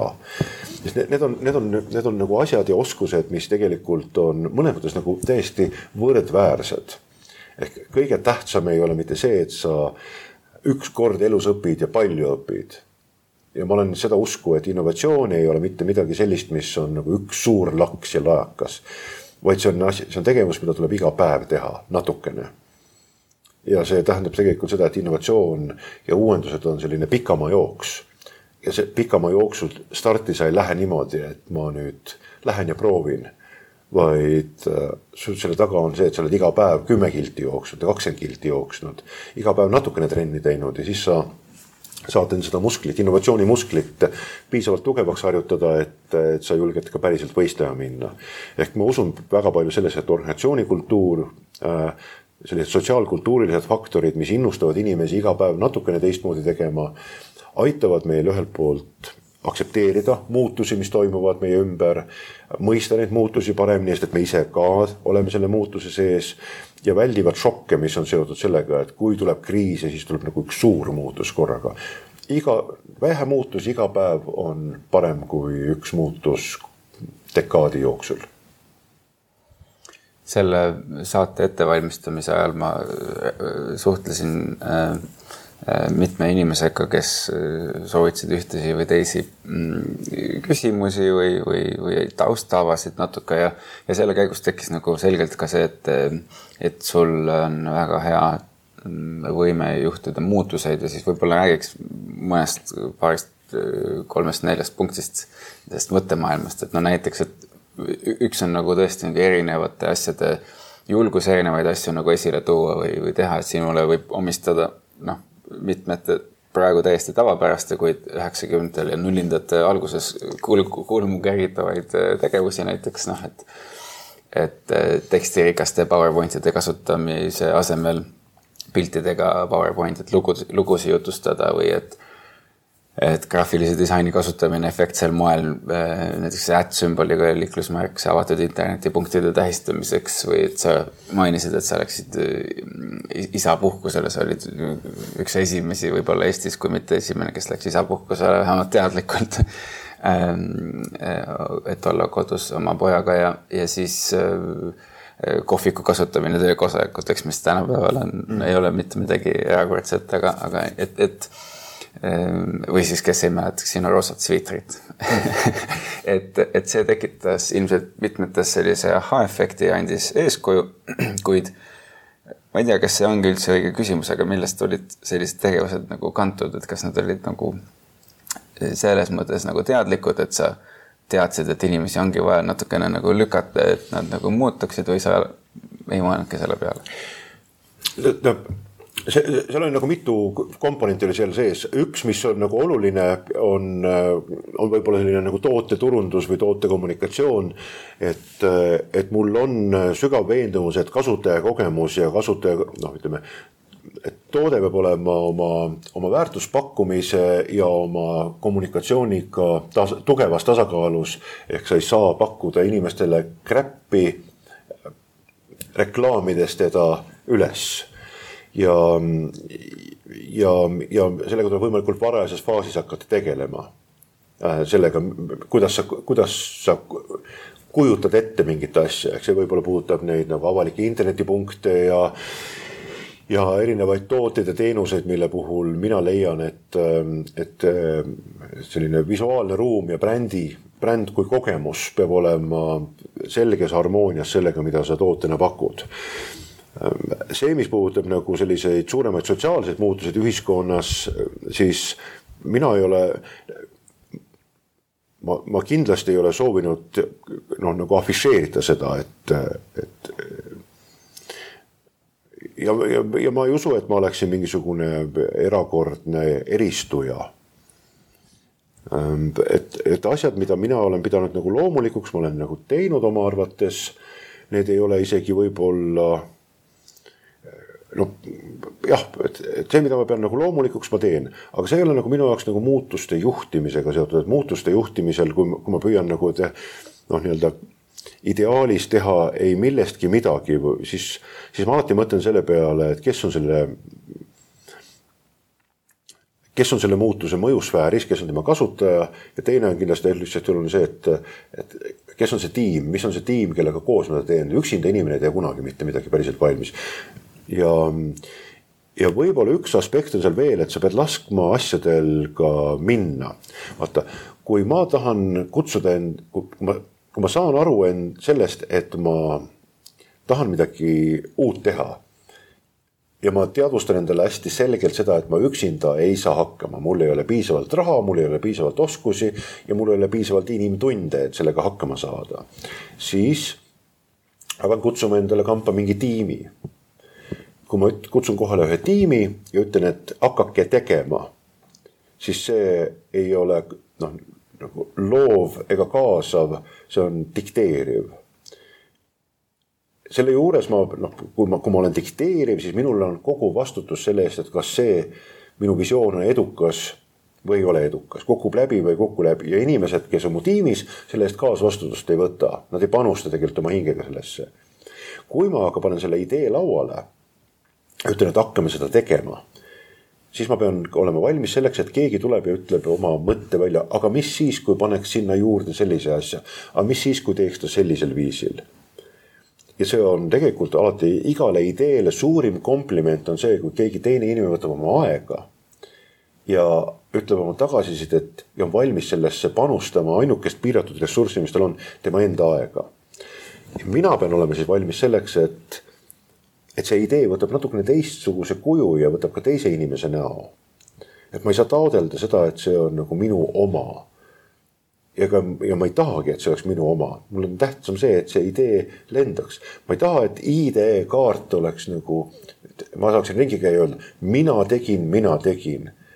A, ma ei teinud seda ja B, ma ei oleks iialgi tahtnud seda teha ise. selle, see on nagu, see on nagu suur tiim inimesi kus minu roll oli võib-olla vahetevahel käia noh, umbes nagu orkestriproovis kohal. ja, ja, ja, ja tähele panna seda, et, et et, et mis on see balanss parajasti ja, ja mis on tasakaalust väljas ja, ja, ja millele rohkem tähelepanu pöörata, millele vähem tähelepanu pöörata. ja, ja ma arvan, et see on muudatuste juhtimise retsept minu jaoks olnud. ma tahan muudatust juhtida. ja ma ise ehiteks olema võimalikult avali ja kuulama ja tähele panema trende, ootusi kasutajatel nägema nägema probleeme ja neid asju, mis mingil põhjusel ei tööta, neid hammasrattaid, mis on nagu rooste läinud ja ragisevad. ja, ja, ja mõtlema selle lõppkasutaja peale, kelle elu muutub selle uuenduse järel ning nägema seda, et see tiim, kellega seda koos teha, võtaks ka kaasvastutust ja ka panustaks kaasa sellele. ma ei tea, kas see on mm -hmm väga ambivalentne ja sisutu mm -hmm. jutt või arusaamatu. see, see oligi niimoodi tegelikult ju mõeldud, et ma ju ilmselgelt ähm, tean, et, ähm, et need asjad ei olnud omavahel seotud, aga selle, selle pinnalt on hea edasi küsida, ütleme siis nii. et, et, et näiteks nagu praktilisemate asjade juurde tulles, et näiteks, et noh, sa oled olnud paljude äh, nõukogude äh, liige, peaministrite, presidentide nõunik, algatanud kodanikualgatuse projekte, et, et, et see tegelik küsimus on siis ikkagi selles, et milline on sinu viis inimeste mõtlemist mõjutada, inspireerida või anda nõu. et mis on nii-öelda Linnar Viigi käekiri see on asi, see on, see on asi, mida, mida mina ilmselt teen alateadlikult ja kindlasti on see ajas muutunud, et üks minu käekiri on, on püüda hoida tasakaalu selle tuleviku ja hetkeseisu vahel või noh, ütleme, et olla hästi teadlik sellest, et kuhugile välja jõudmiseks pead sa kõigepealt aru saama, kus sa oled. siis sa pead ära võimalikult selgelt ja arusaadavalt sõnastama seda, kuhu sa tahad jõuda. ja siis sa pead ütlema, mis on plaan või noh, teekaart. ja, ja seda lihtsalt noh, nagu edasi lahmida, hakkame seda tegema, hakkame seda tegema, ei ole mõtet, et, et inimeste jaoks on selgem see alates, kui sa saad aru, et siin me oleme, sinna me tahame jõuda. me päris täpselt veel ei tea, kuidas me sinna välja jõuame, aga meil on mingisugune plaan olemas ja meil on mingisugune teekaart. Ja see teekaart võiks olla selline, mis lähtub põhe, pigem põhimõtetest ja printsiipidest kui, kui noh, kui, kui konkreetsetest ülesannetest, homme teeme seda Need inimesed, kui nad on piisavalt targad, nad saavad ise aru, mida nad peavad tegema selleks, et kuhugile edasi jõuda. ja siis me arutame, kuhu me oleme jõudnud, et ma tahaks olla pigem nagu, nagu selline, sellise retsepti viljeleja. Ähm, ma olen alati kärsitum ja ma olen õppinud natuke maldama oma kärsitust, ma alati, ma ei saa aru, miks asjad nii kohutavalt kaua aega võtavad. teinekord. see on midagi sellist, mida ma olen õppinud nagu maldama enda sees ähm, aastate jooksul. kuigi mul on ikka sisemine kärsitus, et miks ei noh, et no kui ehitatakse maja, ma saan aru, et see võtab aega, noh, et korrushaaval tuleb ehitada seda. seda ei saa nagu plärtsti valmis printida kuskilt, aga, aga, aga on hulk asju, äh, milles ma olen hakanud eelkõige, mis puudutavad nagu suuremaid muutuseid ühiskonnas või nõustades muude riikide valitsusi, äh, olen ma sügavalt ka endas pettunud, kui ma näen, et lubadused, mis on välja öeldud ja eesmärgid, mis on sõnastatud, poole aasta pärast pole mitte midagi juhtunud, nagu mitte midagi ei ole juhtunud, nad istuvad nagu abitult käed kõrval ja, ja siis ma saan aru, et seal on vaja tegelikult kogu aeg nagu kõrval olla. ja seda, seda inspiratsiooni ja seda, seda mõju tuleb anda tihedamate intervallidega, et ei ole piisav sellest isegi mul on olnud ka selliseid asju, kus ma olen valitsuse ütleme IT-juhti coach inud kord nädalas nagu ja ta ütleb iga kord ja, ja, ja, ja väga hea, täpselt noh, vot just, et nii teemegi, nii teemegi. ja siis me teeme vahekokkuvõtte kolm kuud hiljem ja mitte midagi, mitte ei, see ei tulnud, ei meie, me ei hakka, ei, meil ei olnud inimesi ja me. ja, ja need on nagu sellised nagu eneses, enesereflektsioonid ja peeglisse vaatamine, ma olen midagi valesti teinud mm. -hmm kas tuleb sellest, et, et nendel inimestel, keda sa oled nõustanud, ei ole tegelikult äh, tegijaid või nendel tegijatel ei ole antud agentsust? Neil ka puudub, tegelikult väga paljudes kohtades on olukord selline, kus, kus, kohas puudub äh, valu, kus tegelikult motivatsioon mm -hmm. äh, muudatuse tegemiseks ei ole kasvanud äh, valupiirini. ja, ja, ja, ja seda tõdemust, et et ma saan nii ka hakkama ja nii me oleme varem hakkama saanud ja nii me saame asjadega edaspidi hakkama, on sedavõrd suur. ja, ja see hirm, aga muutuste, aga mis siis saab, kui noh, midagi välja ei tule ja mis siis saab, kui see päriselt tööle ei lähe ja see hirm selle ebaõnnestumise ees on sedavõrd suur, et ei juletagi hakata tegema. ja kui ma ütlen, minu retsept on siis see, et aga teeme natuke haaval ja, ja teeme iteratiivselt, teeme natuke haaval niimoodi, et et iga päev vaatame, kuhu me oleme välja jõudnud, siis nad ei saa aru sellest, et kuidas see on võimalik, et tegelikult, tegelikult muut-, väike muutus iga päev on tegelikult oluliselt tõhusam ja mõjukam kui suur kongress aastas, mul on nagu mitu peaministrit, kellel, kellega ma olen suhelnud ja küsinud. nii, aga mis on siis see suur, üks suur asi, mida ma järgmisel aastal plaanin teha? ma ütlen, teeme parem niimoodi, et mis, küsime niimoodi, mis on need viiskümmend väikest asja, mida sa kavatsed järgmisel aastal teha. iga nädal üks asi sa mahutad selle aasta viiekümne nädala sisse noh, nagu viiskümmend väikest asja ja ma väidan, et sinu ühiskonnas hakkab olema innovatsiooni vastuvõtlikkusvõime ja, ja aktsepteerimine hoopis suurem kui see, et ma teen üks kord aastas ühe suure asja. üks sinu äh, sinule omistatud äh, sellistest ütlustest on äh, see you are what you share, et sa oled see, mida sa jagad. mida sa, mida sa selle all mõtled ähm,? aga seda ma mõtlengi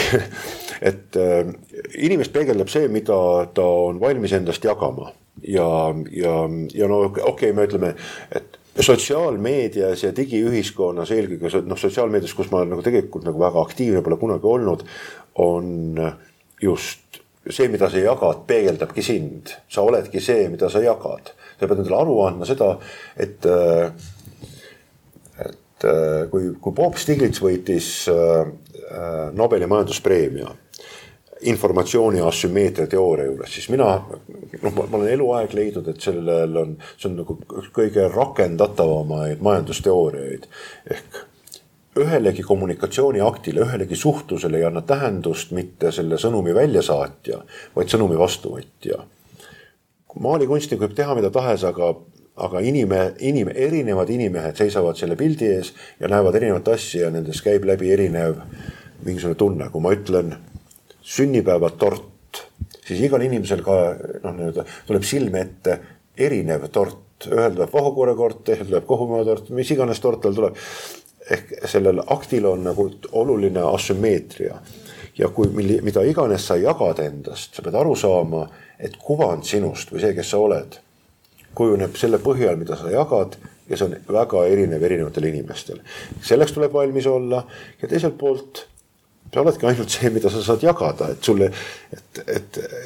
et see, mida sul ei ole, seda sa ka ise ei ole. ja, ja minu meelest on see ka üleskutse, tähendab, et jagatud noh, maailm, jagatud, jagatud maailm on rikkam maailm kui, kui piiridega ja jagamatu maailm rääkides siis jagamisest, et võib-olla sa siis äh, jagad oma mõtteid ähm, ja soovitusi näiteks tuleviku üle, et siis on ka nagu rida, rida küsimusi sellega seoses, et noh, kui sa täna käid näiteks äh, Tallinnas toimub see Latitude viiskümmend üheksa mm. tehnoloogiakonverents ja ringi vaatad seda kõike, mis meid ümbritseb, seda talenti, äh, oskust teha, kapitaliturgu, üleilmset võrgustikku, kõike, mida varem ei olnud, aga nüüd on siis, siis mis tunne sind äh, valdab ja, ja mida sa oskaksid soovitada uuele põlvkonnale? kui ma vaatan Latitude'i üritusi Tallinnas, siis minu meelest see on äh, välja teenitud preemia ja seda tuleb osata hinnata, et selline asi on olemas ja selline fenomen on olemas, äh, kus Eesti-taolisel riigil on sedavõrd suur ettevõtlusvaldkond, mis kaasab rohkem kapitali kui riigi kõrghariduse ja teaduse aastaeelarve kokku. sellist asja ei ole kuskil maailmas, mitte kuskil, isegi kõikvõimalike muude näitajatega, kus me oleme startup'e elaniku kohta või, või ükssarvikuid elaniku kohta näidetega oleme uhked, aga, aga mil iganes ma selgitan oma Euroopa või maailma kolleegidele, kes tegelevad noh, sellist strateegiliselt ütleme teadus-arendustegevuse innovatsiooni juhtimisega. seda, et meil on, meil on reaalset sularaha reaalselt kontole jõudvat raha kaasavat ettevõtted oma kasvufaasi finantseerimiseks rohkem kui riigis on kõrghariduse teaduseelarvet, siis see on nende jaoks nagu noh, nagu väljaspool igasugust sellist mõõdetavat äh, benchmarkide piire. Ehk me oleme selle välja teeninud, me peame olema uhked selle üle. aga kui ma käin Lätit üle, siis ma tunnen tegelikult, et see on normaalne see ei ole midagi nagu, see on normaalne, mul on hea meel, et selline asi toimub siin Eestis, mul on hea meel paljude muude konverentside üle, mul on, mul on väga hea meel Jazzkaare üle, Tallinn Music Weeki üle ja ja mul on väga hea meel, et me oleme seal need välja teeninud oma tööga ja sellega, kes me oleme. Aga kui ma lähen sinna kohale sellele kontserdile või sellele konverentsile, siis ma tunnen, et see on normaalne. kui ma oskaksin midagi neile edasi soovitada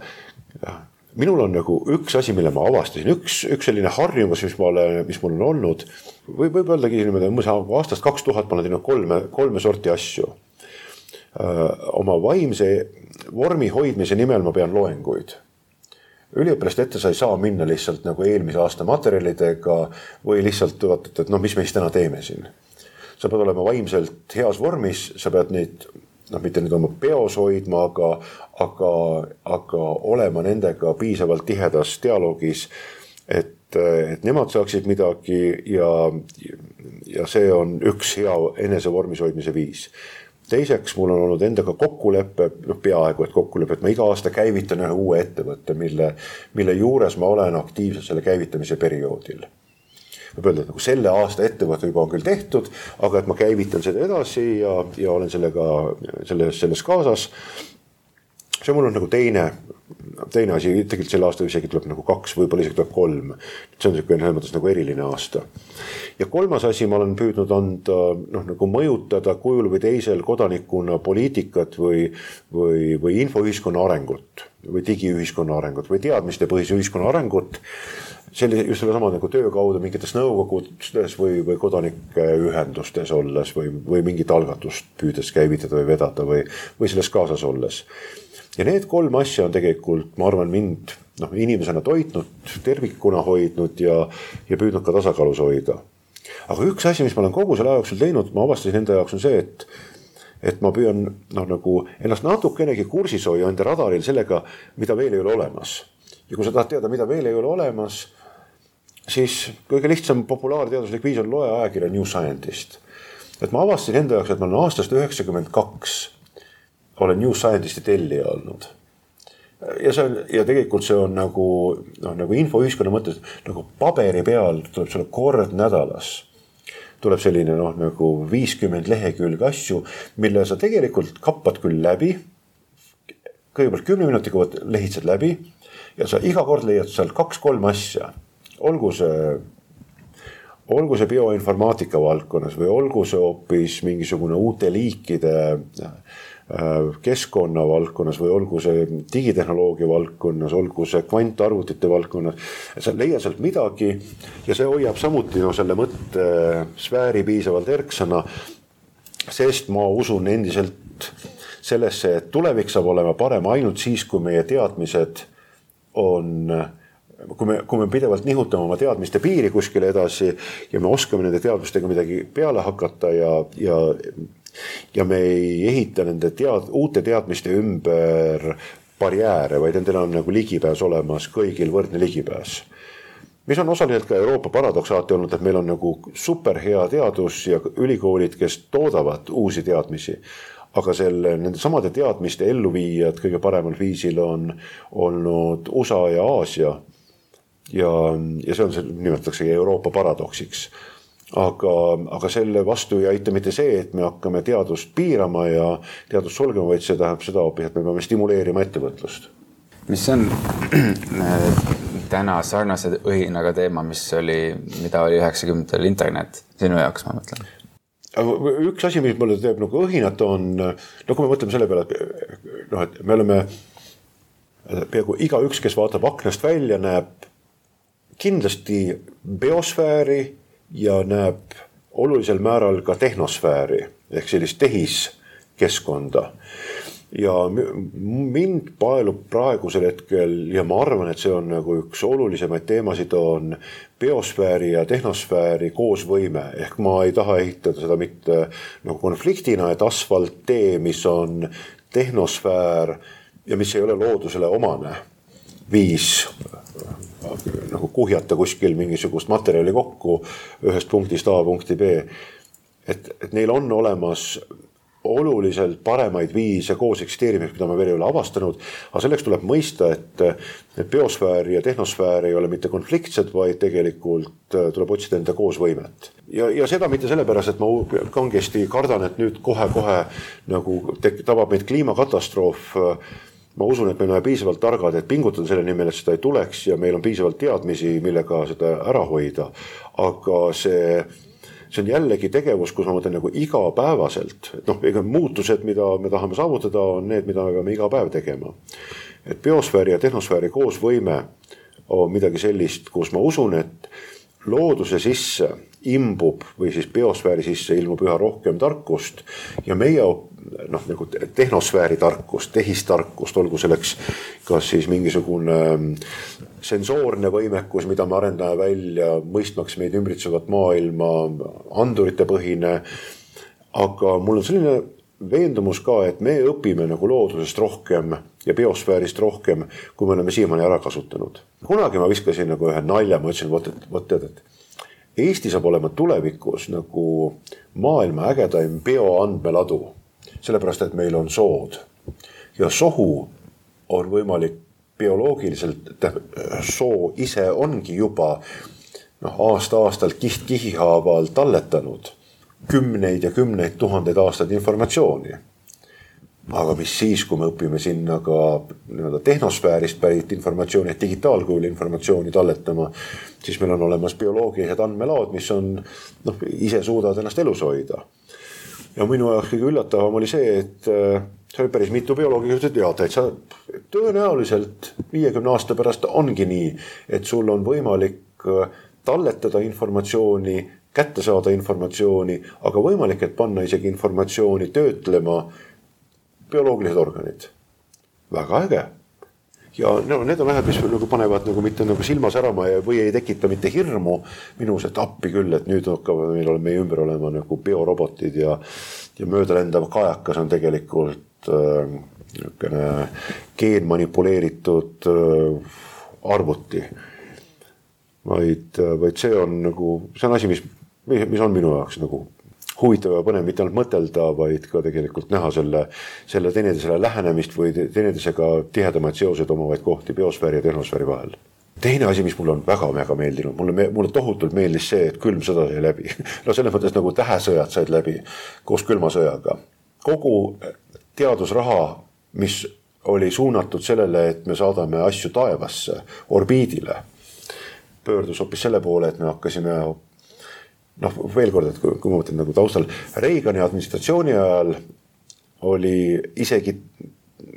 presidendi teaduskojas oli arusaam veel olemas, et kui tuleb kliimakatastroof, siis selleks ajaks me oleme kosmosetehnoloogiaga arenenud nii kaugele, et me valdava enamuse inimkonnast suudame järgmisele planeedile kolida, kus on piisavalt palju ressursse, mida uuesti ekspluateerima hakata.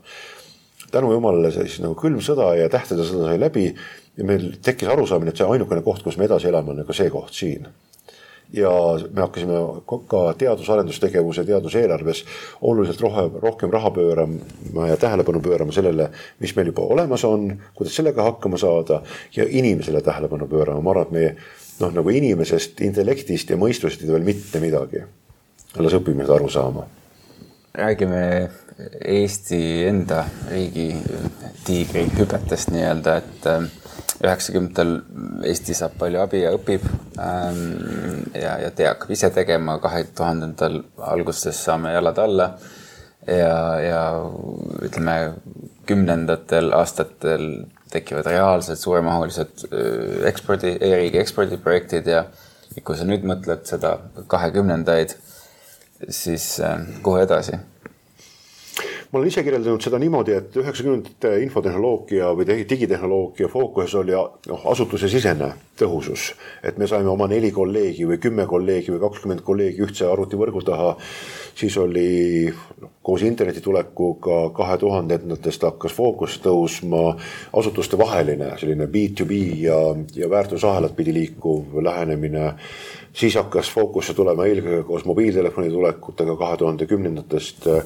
selline lõppkasutaja väärtus. ja, ja praegu kahe tuhande kahekümnendatel ma näen, et on, on kaks hästi olulist asja, üks on selline nii-öelda klastri või sektori ülene,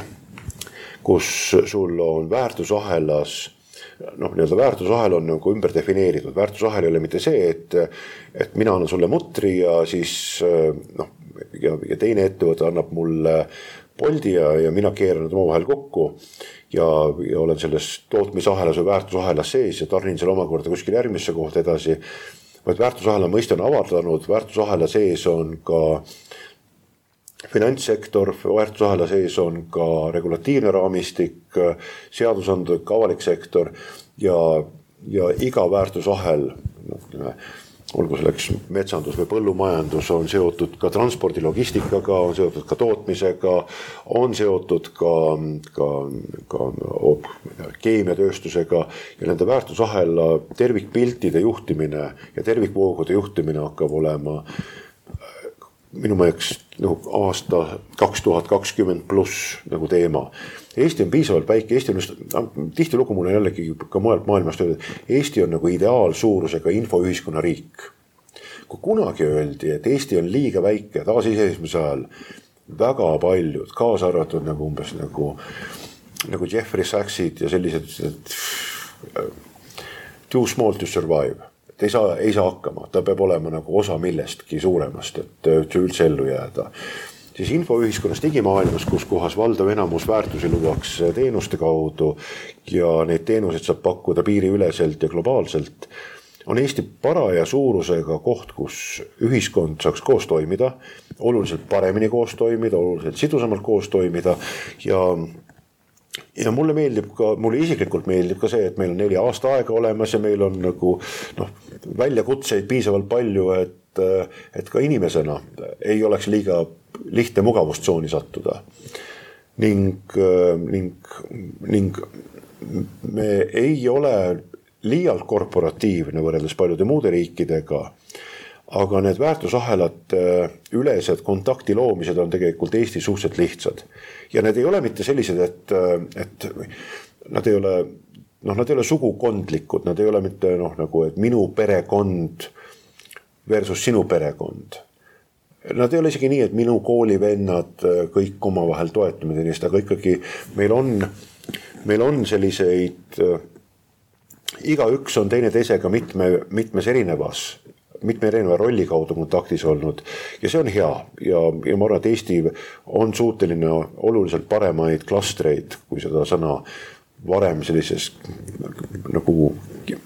geomajanduslikus tähenduses ehitati, siis praegu hetkel nagu väärtusahelate mõttes on suuteline üles ehitama.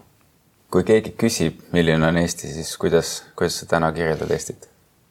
ma kirjeldan Eestit, et ta ei ole veel valmis ja ta on teadlik sellest, et ta ei ole valmis ja ta otsib ja see on minu meelest nagu parim asend või noh, nagu hoiak üldse, mida saaks omada. Eestis inimesed ei ole õnneks veel rahul sellega, mis neil on. ja nad saavad aru, et selleks, ma, ma julgen arvata, et valdav enamus inimesi saab aru, et selleks, et neil läheks paremini, peavad nad ise ka midagi tegema. et see, et kui nad ei ole rahul, et see ei ole mitte kellegi teise teha noh, valitsus peab tegema midagi või, või keegi teine peab midagi tegema, vaid et mul endal on ka vähemalt mingi roll selles, selles, selles muutuses, selles rahulolematuses või edasipürgimises. Ja, ja see on hea hoiak kogu ühiskonna jaoks. tunda, et ei ole valmis, tunda natukene rahulolematust ja, ja olla natukene katki, sest et siis sa noh, nagu mobiliseerid oma immuunsüsteemi ja oma organismi selle nimel, et, et rohkem pingutada. kui sa saaksid Eestis ühe asja üle muuta paremaks, siis oleks? võtta ära võimalus asju muuta ühe ööga võtta ära üldse idee või arusaam, et asju on võimalik muuta ööga. Ma olen, ma endiselt, ma vist juba olen, kordan ennast mitmendat korda, ma olen seda usku, et asju tuleb teha natukene iga päev ja ja, ja seda musklit tuleb harjutada ja kui ma üheksakümnendate aastatel õppisin Soomes, siis ma nägin silmadega pealt, kuidas umbes nagu Soome majanduskriisis läks üleöö, läks nagu ma ei tea, kümme aastat vanemaks läks toonane peaminister Esko Aho, noor mees ja läks nagu kohe vanemaks saatuse tahtel me oleme mõned korral veel hiljem kokku saanud viisil, kus kohas tema käib, ta armastab vahetevahel noh, nagu Tallinnas käia nii-öelda restoraniturismis ja, ja iga kord, kui ta on käinud, ta on noh, sihuke õhtust ja uus restoran ja ta ütles, et ta oli nii kade eestlaste peale. miks sa kade oled? Soome on igast innovatsiooni, kõrghariduse, PISA testide maailma tipp. ütles, et ta on nii kade selle peale, et Eestis on nagu näha seda, et kõik muutub ja, ja muutused on silmnähtavad, et ma tulen jälle nagu kaks aastat hiljem siia ja ma ei tunne ära, siin on nii palju muutunud ja siin on noh, nagu inimesed näevad teistsugused välja inimesed vaatavad sulle otsa teistmoodi, nende silmavaade on teistsugune, rääkimata noh, ma ei tea mingitest autodest või kõnniteedest või, või majadest või, või, või, või firmadest või siltidest või tänavapildist või või sellest esteetikast, mis sulle vaatab tõesti nagu tänavanurkadel vastu, et me oleme, et kui sa satud kuskile, kuskile kohta, siis sa oskad peaaegu ilmeksimatult sellise sotsiaalkultuurilise esteetika kaudu tegelikult identifitseerida, kus kohas see riik ühiskond, linn, kogukond, kvartal parajasti on. ainuüksi läbi, läbi siltide, kui mäletan, et poeg oli väikene, sõitis Pingsi trenni trammiga. siis ta jäi trammis magama ja lõpppeatuses aeti ta üles. Ja siis tal oli, ta sai kuskilt telefoni ja siis ta helistas mulle. issi, ma sõitsin trammiga Venemaale ta jõudis välja Lasnamäel trammi lõpppeatusesse, olid kõik sildid olid venekeelsed, ta ei saanud mitte millestki aru, kõik räägivad vene keeles ja siis ta oli, tema reaktsioon oli see, et trammiga, ta jäi magama, jõudis trammiga, jõudis Venemaale, ta oli unine ka natukene ja ja see oli minu jaoks nagu selge märk sellest, et ma sain aru, millises trammi lõpppeatuses ta on. tal polnud vaja öeldagi, et mis trammi lõpppeatus ta on, ma ütlesin, et ja, ja see on nagu nii huvitav ja, ja Asko Mäle pani tähele seda, et selline nagu ruumi esteetika tegelikult on see, mis ka kirjeldab ühiskonna arengut. me oleme väga huvitavas ja ägedas kohas praegusel hetkel. ja sellest samm-sammu haaval ehitamisest olekski hea rääkida nüüd selle järgmises küsimuses, et ähm, et kuidas sa ehitaksid kahekümne esimese sajandi Eestit ja selle küsi-, see küsimus tuleb sellest, et ähm, Eesti Vabariik tähistas hiljuti sajandat aastapäeva. kui sa mõtled,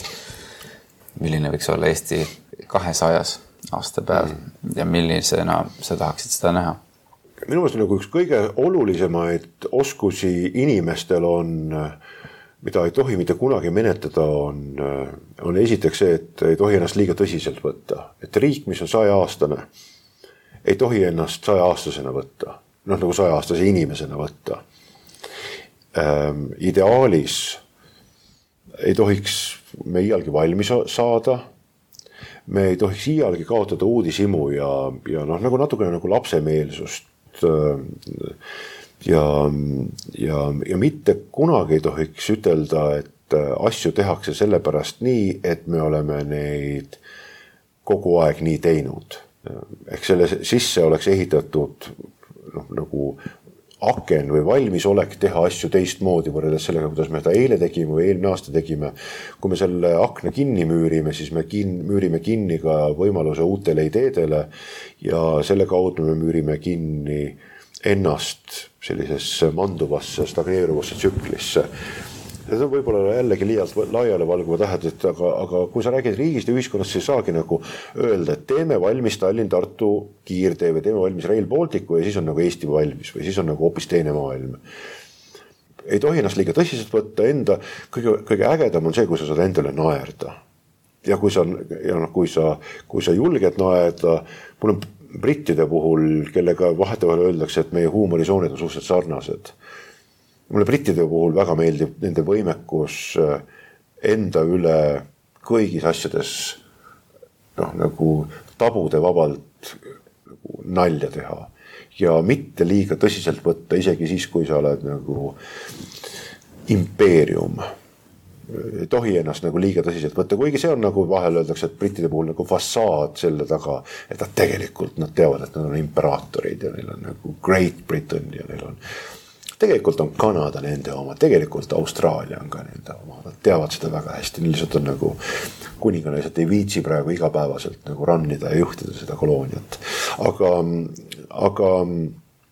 aga see võimekus jah, enda üle nalja teha ja, ja mitte ennast liiga tõsiselt võtta on lahutamatu osa sellest, et sul on võimalik asju teha ka noh, kergelt ja väikese riigi jaoks ei tohi asju noh, liialt, raskepäraselt ja tõsiselt võtta. kaasa arvatud poliitikat. Kui sa mõtled äh, kõikide nende raamatute peale, mida sa oled elus lugenud, siis millised on need, mis on sinu mõtlemist äh, kõige enam mõjutanud? meil oli üks selline väikene sari, mis mul tohutult meeldis, seal oli,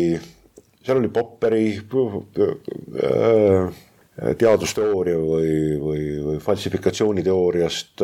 meil oli seal Marcus Aurelius iseendale selle üks esimesi versioone Stoikudes, seal oli päris palju sellist filosoofilist raamatut, aga sellele juurde ma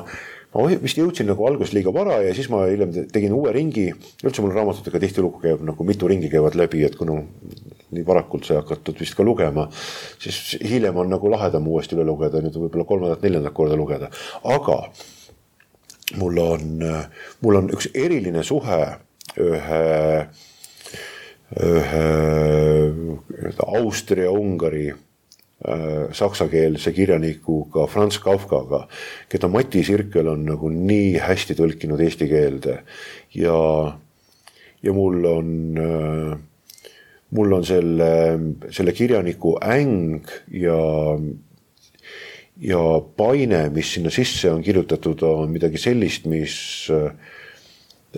mis on mind noh, nagu kirjanduses nagu tohutult suurel määral paelunud. Eesti kirjandusest on mul, mul on, mul on sellise nii, mitte ainult keele uuenduslikult, aga ka rütmi, meloodia, kõige selle poole pealt on, on Uku Masing on olnud oma, oma töödega ja muidugi oma nagu tõesti nagu tohutu eruditsiooniga ja silmaringiga ja sellega kuidas ta on tõesti erinevaid kultuuri, religiooni ja, ja taustaruume suutnud omavahel sidustada ja kokku tuua ja nende vahelisi seoseid luua on, on võrratu, et, et ma arvan, et nemad on kindlasti olnud inimesed, kes mind on väga palju mõjutanud. Kuskil olen ma kindlasti hunnikutes kapsaks lugenud uh, ulmekirjandust uh, ja, ja, ja olen jälginud seda, kuidas ulmekirjandus on jõudnud väga põnevasse faasi praegu hetkel, kus tema nii-öelda valdav enamus, kui tahad nagu nagu hetketunnet ulmekirjanduses, siis lähed nagu hoopis noorte kirjanduse letti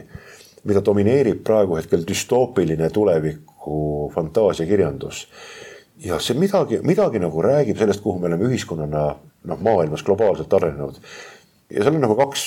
varianti on sellele, et me toodame noortele selline young adults ehk siis sellisele kuni kahekümne aastastele, et me toodamegi düstoopilist ulmekirjandust neile mis omakorda paneb neid noh, skeptilisemalt ja pessimistlikumalt äh, mõtlema tulevikust. või teine on see, et nad mõtlevadki skeptiliselt ja pessimistlikumalt tulevikust. ja nad tarbivad seetõttu sellist äh, nende hingega kooskõlavat äh, ulmekirjandust. Ja loomulikult siin on nagu ka jällegi nagu tõepõhi taga eest, et, et väga kõrge tõenäosusega on see pidu, mida on eelnenud põlvkonnad pidanud, on praegu hetkeks läbi ja me näeme esimest korda maailma ajaloos praegu sündinud ja praegu veel noored olevad inimesed, kes elavad tõenäoliselt äh, ahtamate valikute ruumis äh, siin maakeral suuremate piirangute ruumis siin maakeral kui neile eelnenud põlvkonnad, kaasa arvatud tarbimises. Aga õnneks selles tarbimises ei ole olnud noh, ütleme õnne, õnneks ma näen ise ka seda, et see tarbimine, tarbimisest loobumine või tarbimise valikute vähenemine ei ole vähendanud nende inimeste intellektuaalset võimet või nende rõõmu või õnnetunnet, et selleks ei pea olema sul kaubanduskeskuste täitekaupa asju, et olla rõõmus, õnnelik ja nad minu meelest nagu suhtlevad omavahel piisavalt palju. ja on, on äge kogukond, pealekasvav põlvkond. Linnar, suured tänud, et sa võtsid selle aja täna tulla, oma mõtteid jagada. Suur tänu kogu selle panuse eest ja, ja, ja edu tulevikus. ta oli tohutult inspireeriv ja ma, ma usun, et ka kuulajatel. aitäh sulle. head kuulajad, te kuulasite saatesarja Globaalsed eestlased ning meil oli külas Linnar Viik kui teil on mõtteid ettepanekuid, kellega me veel võiksime saate teha, siis kirjutage aadressil globaalsed eestlased at gmail.com. Kuulmiseni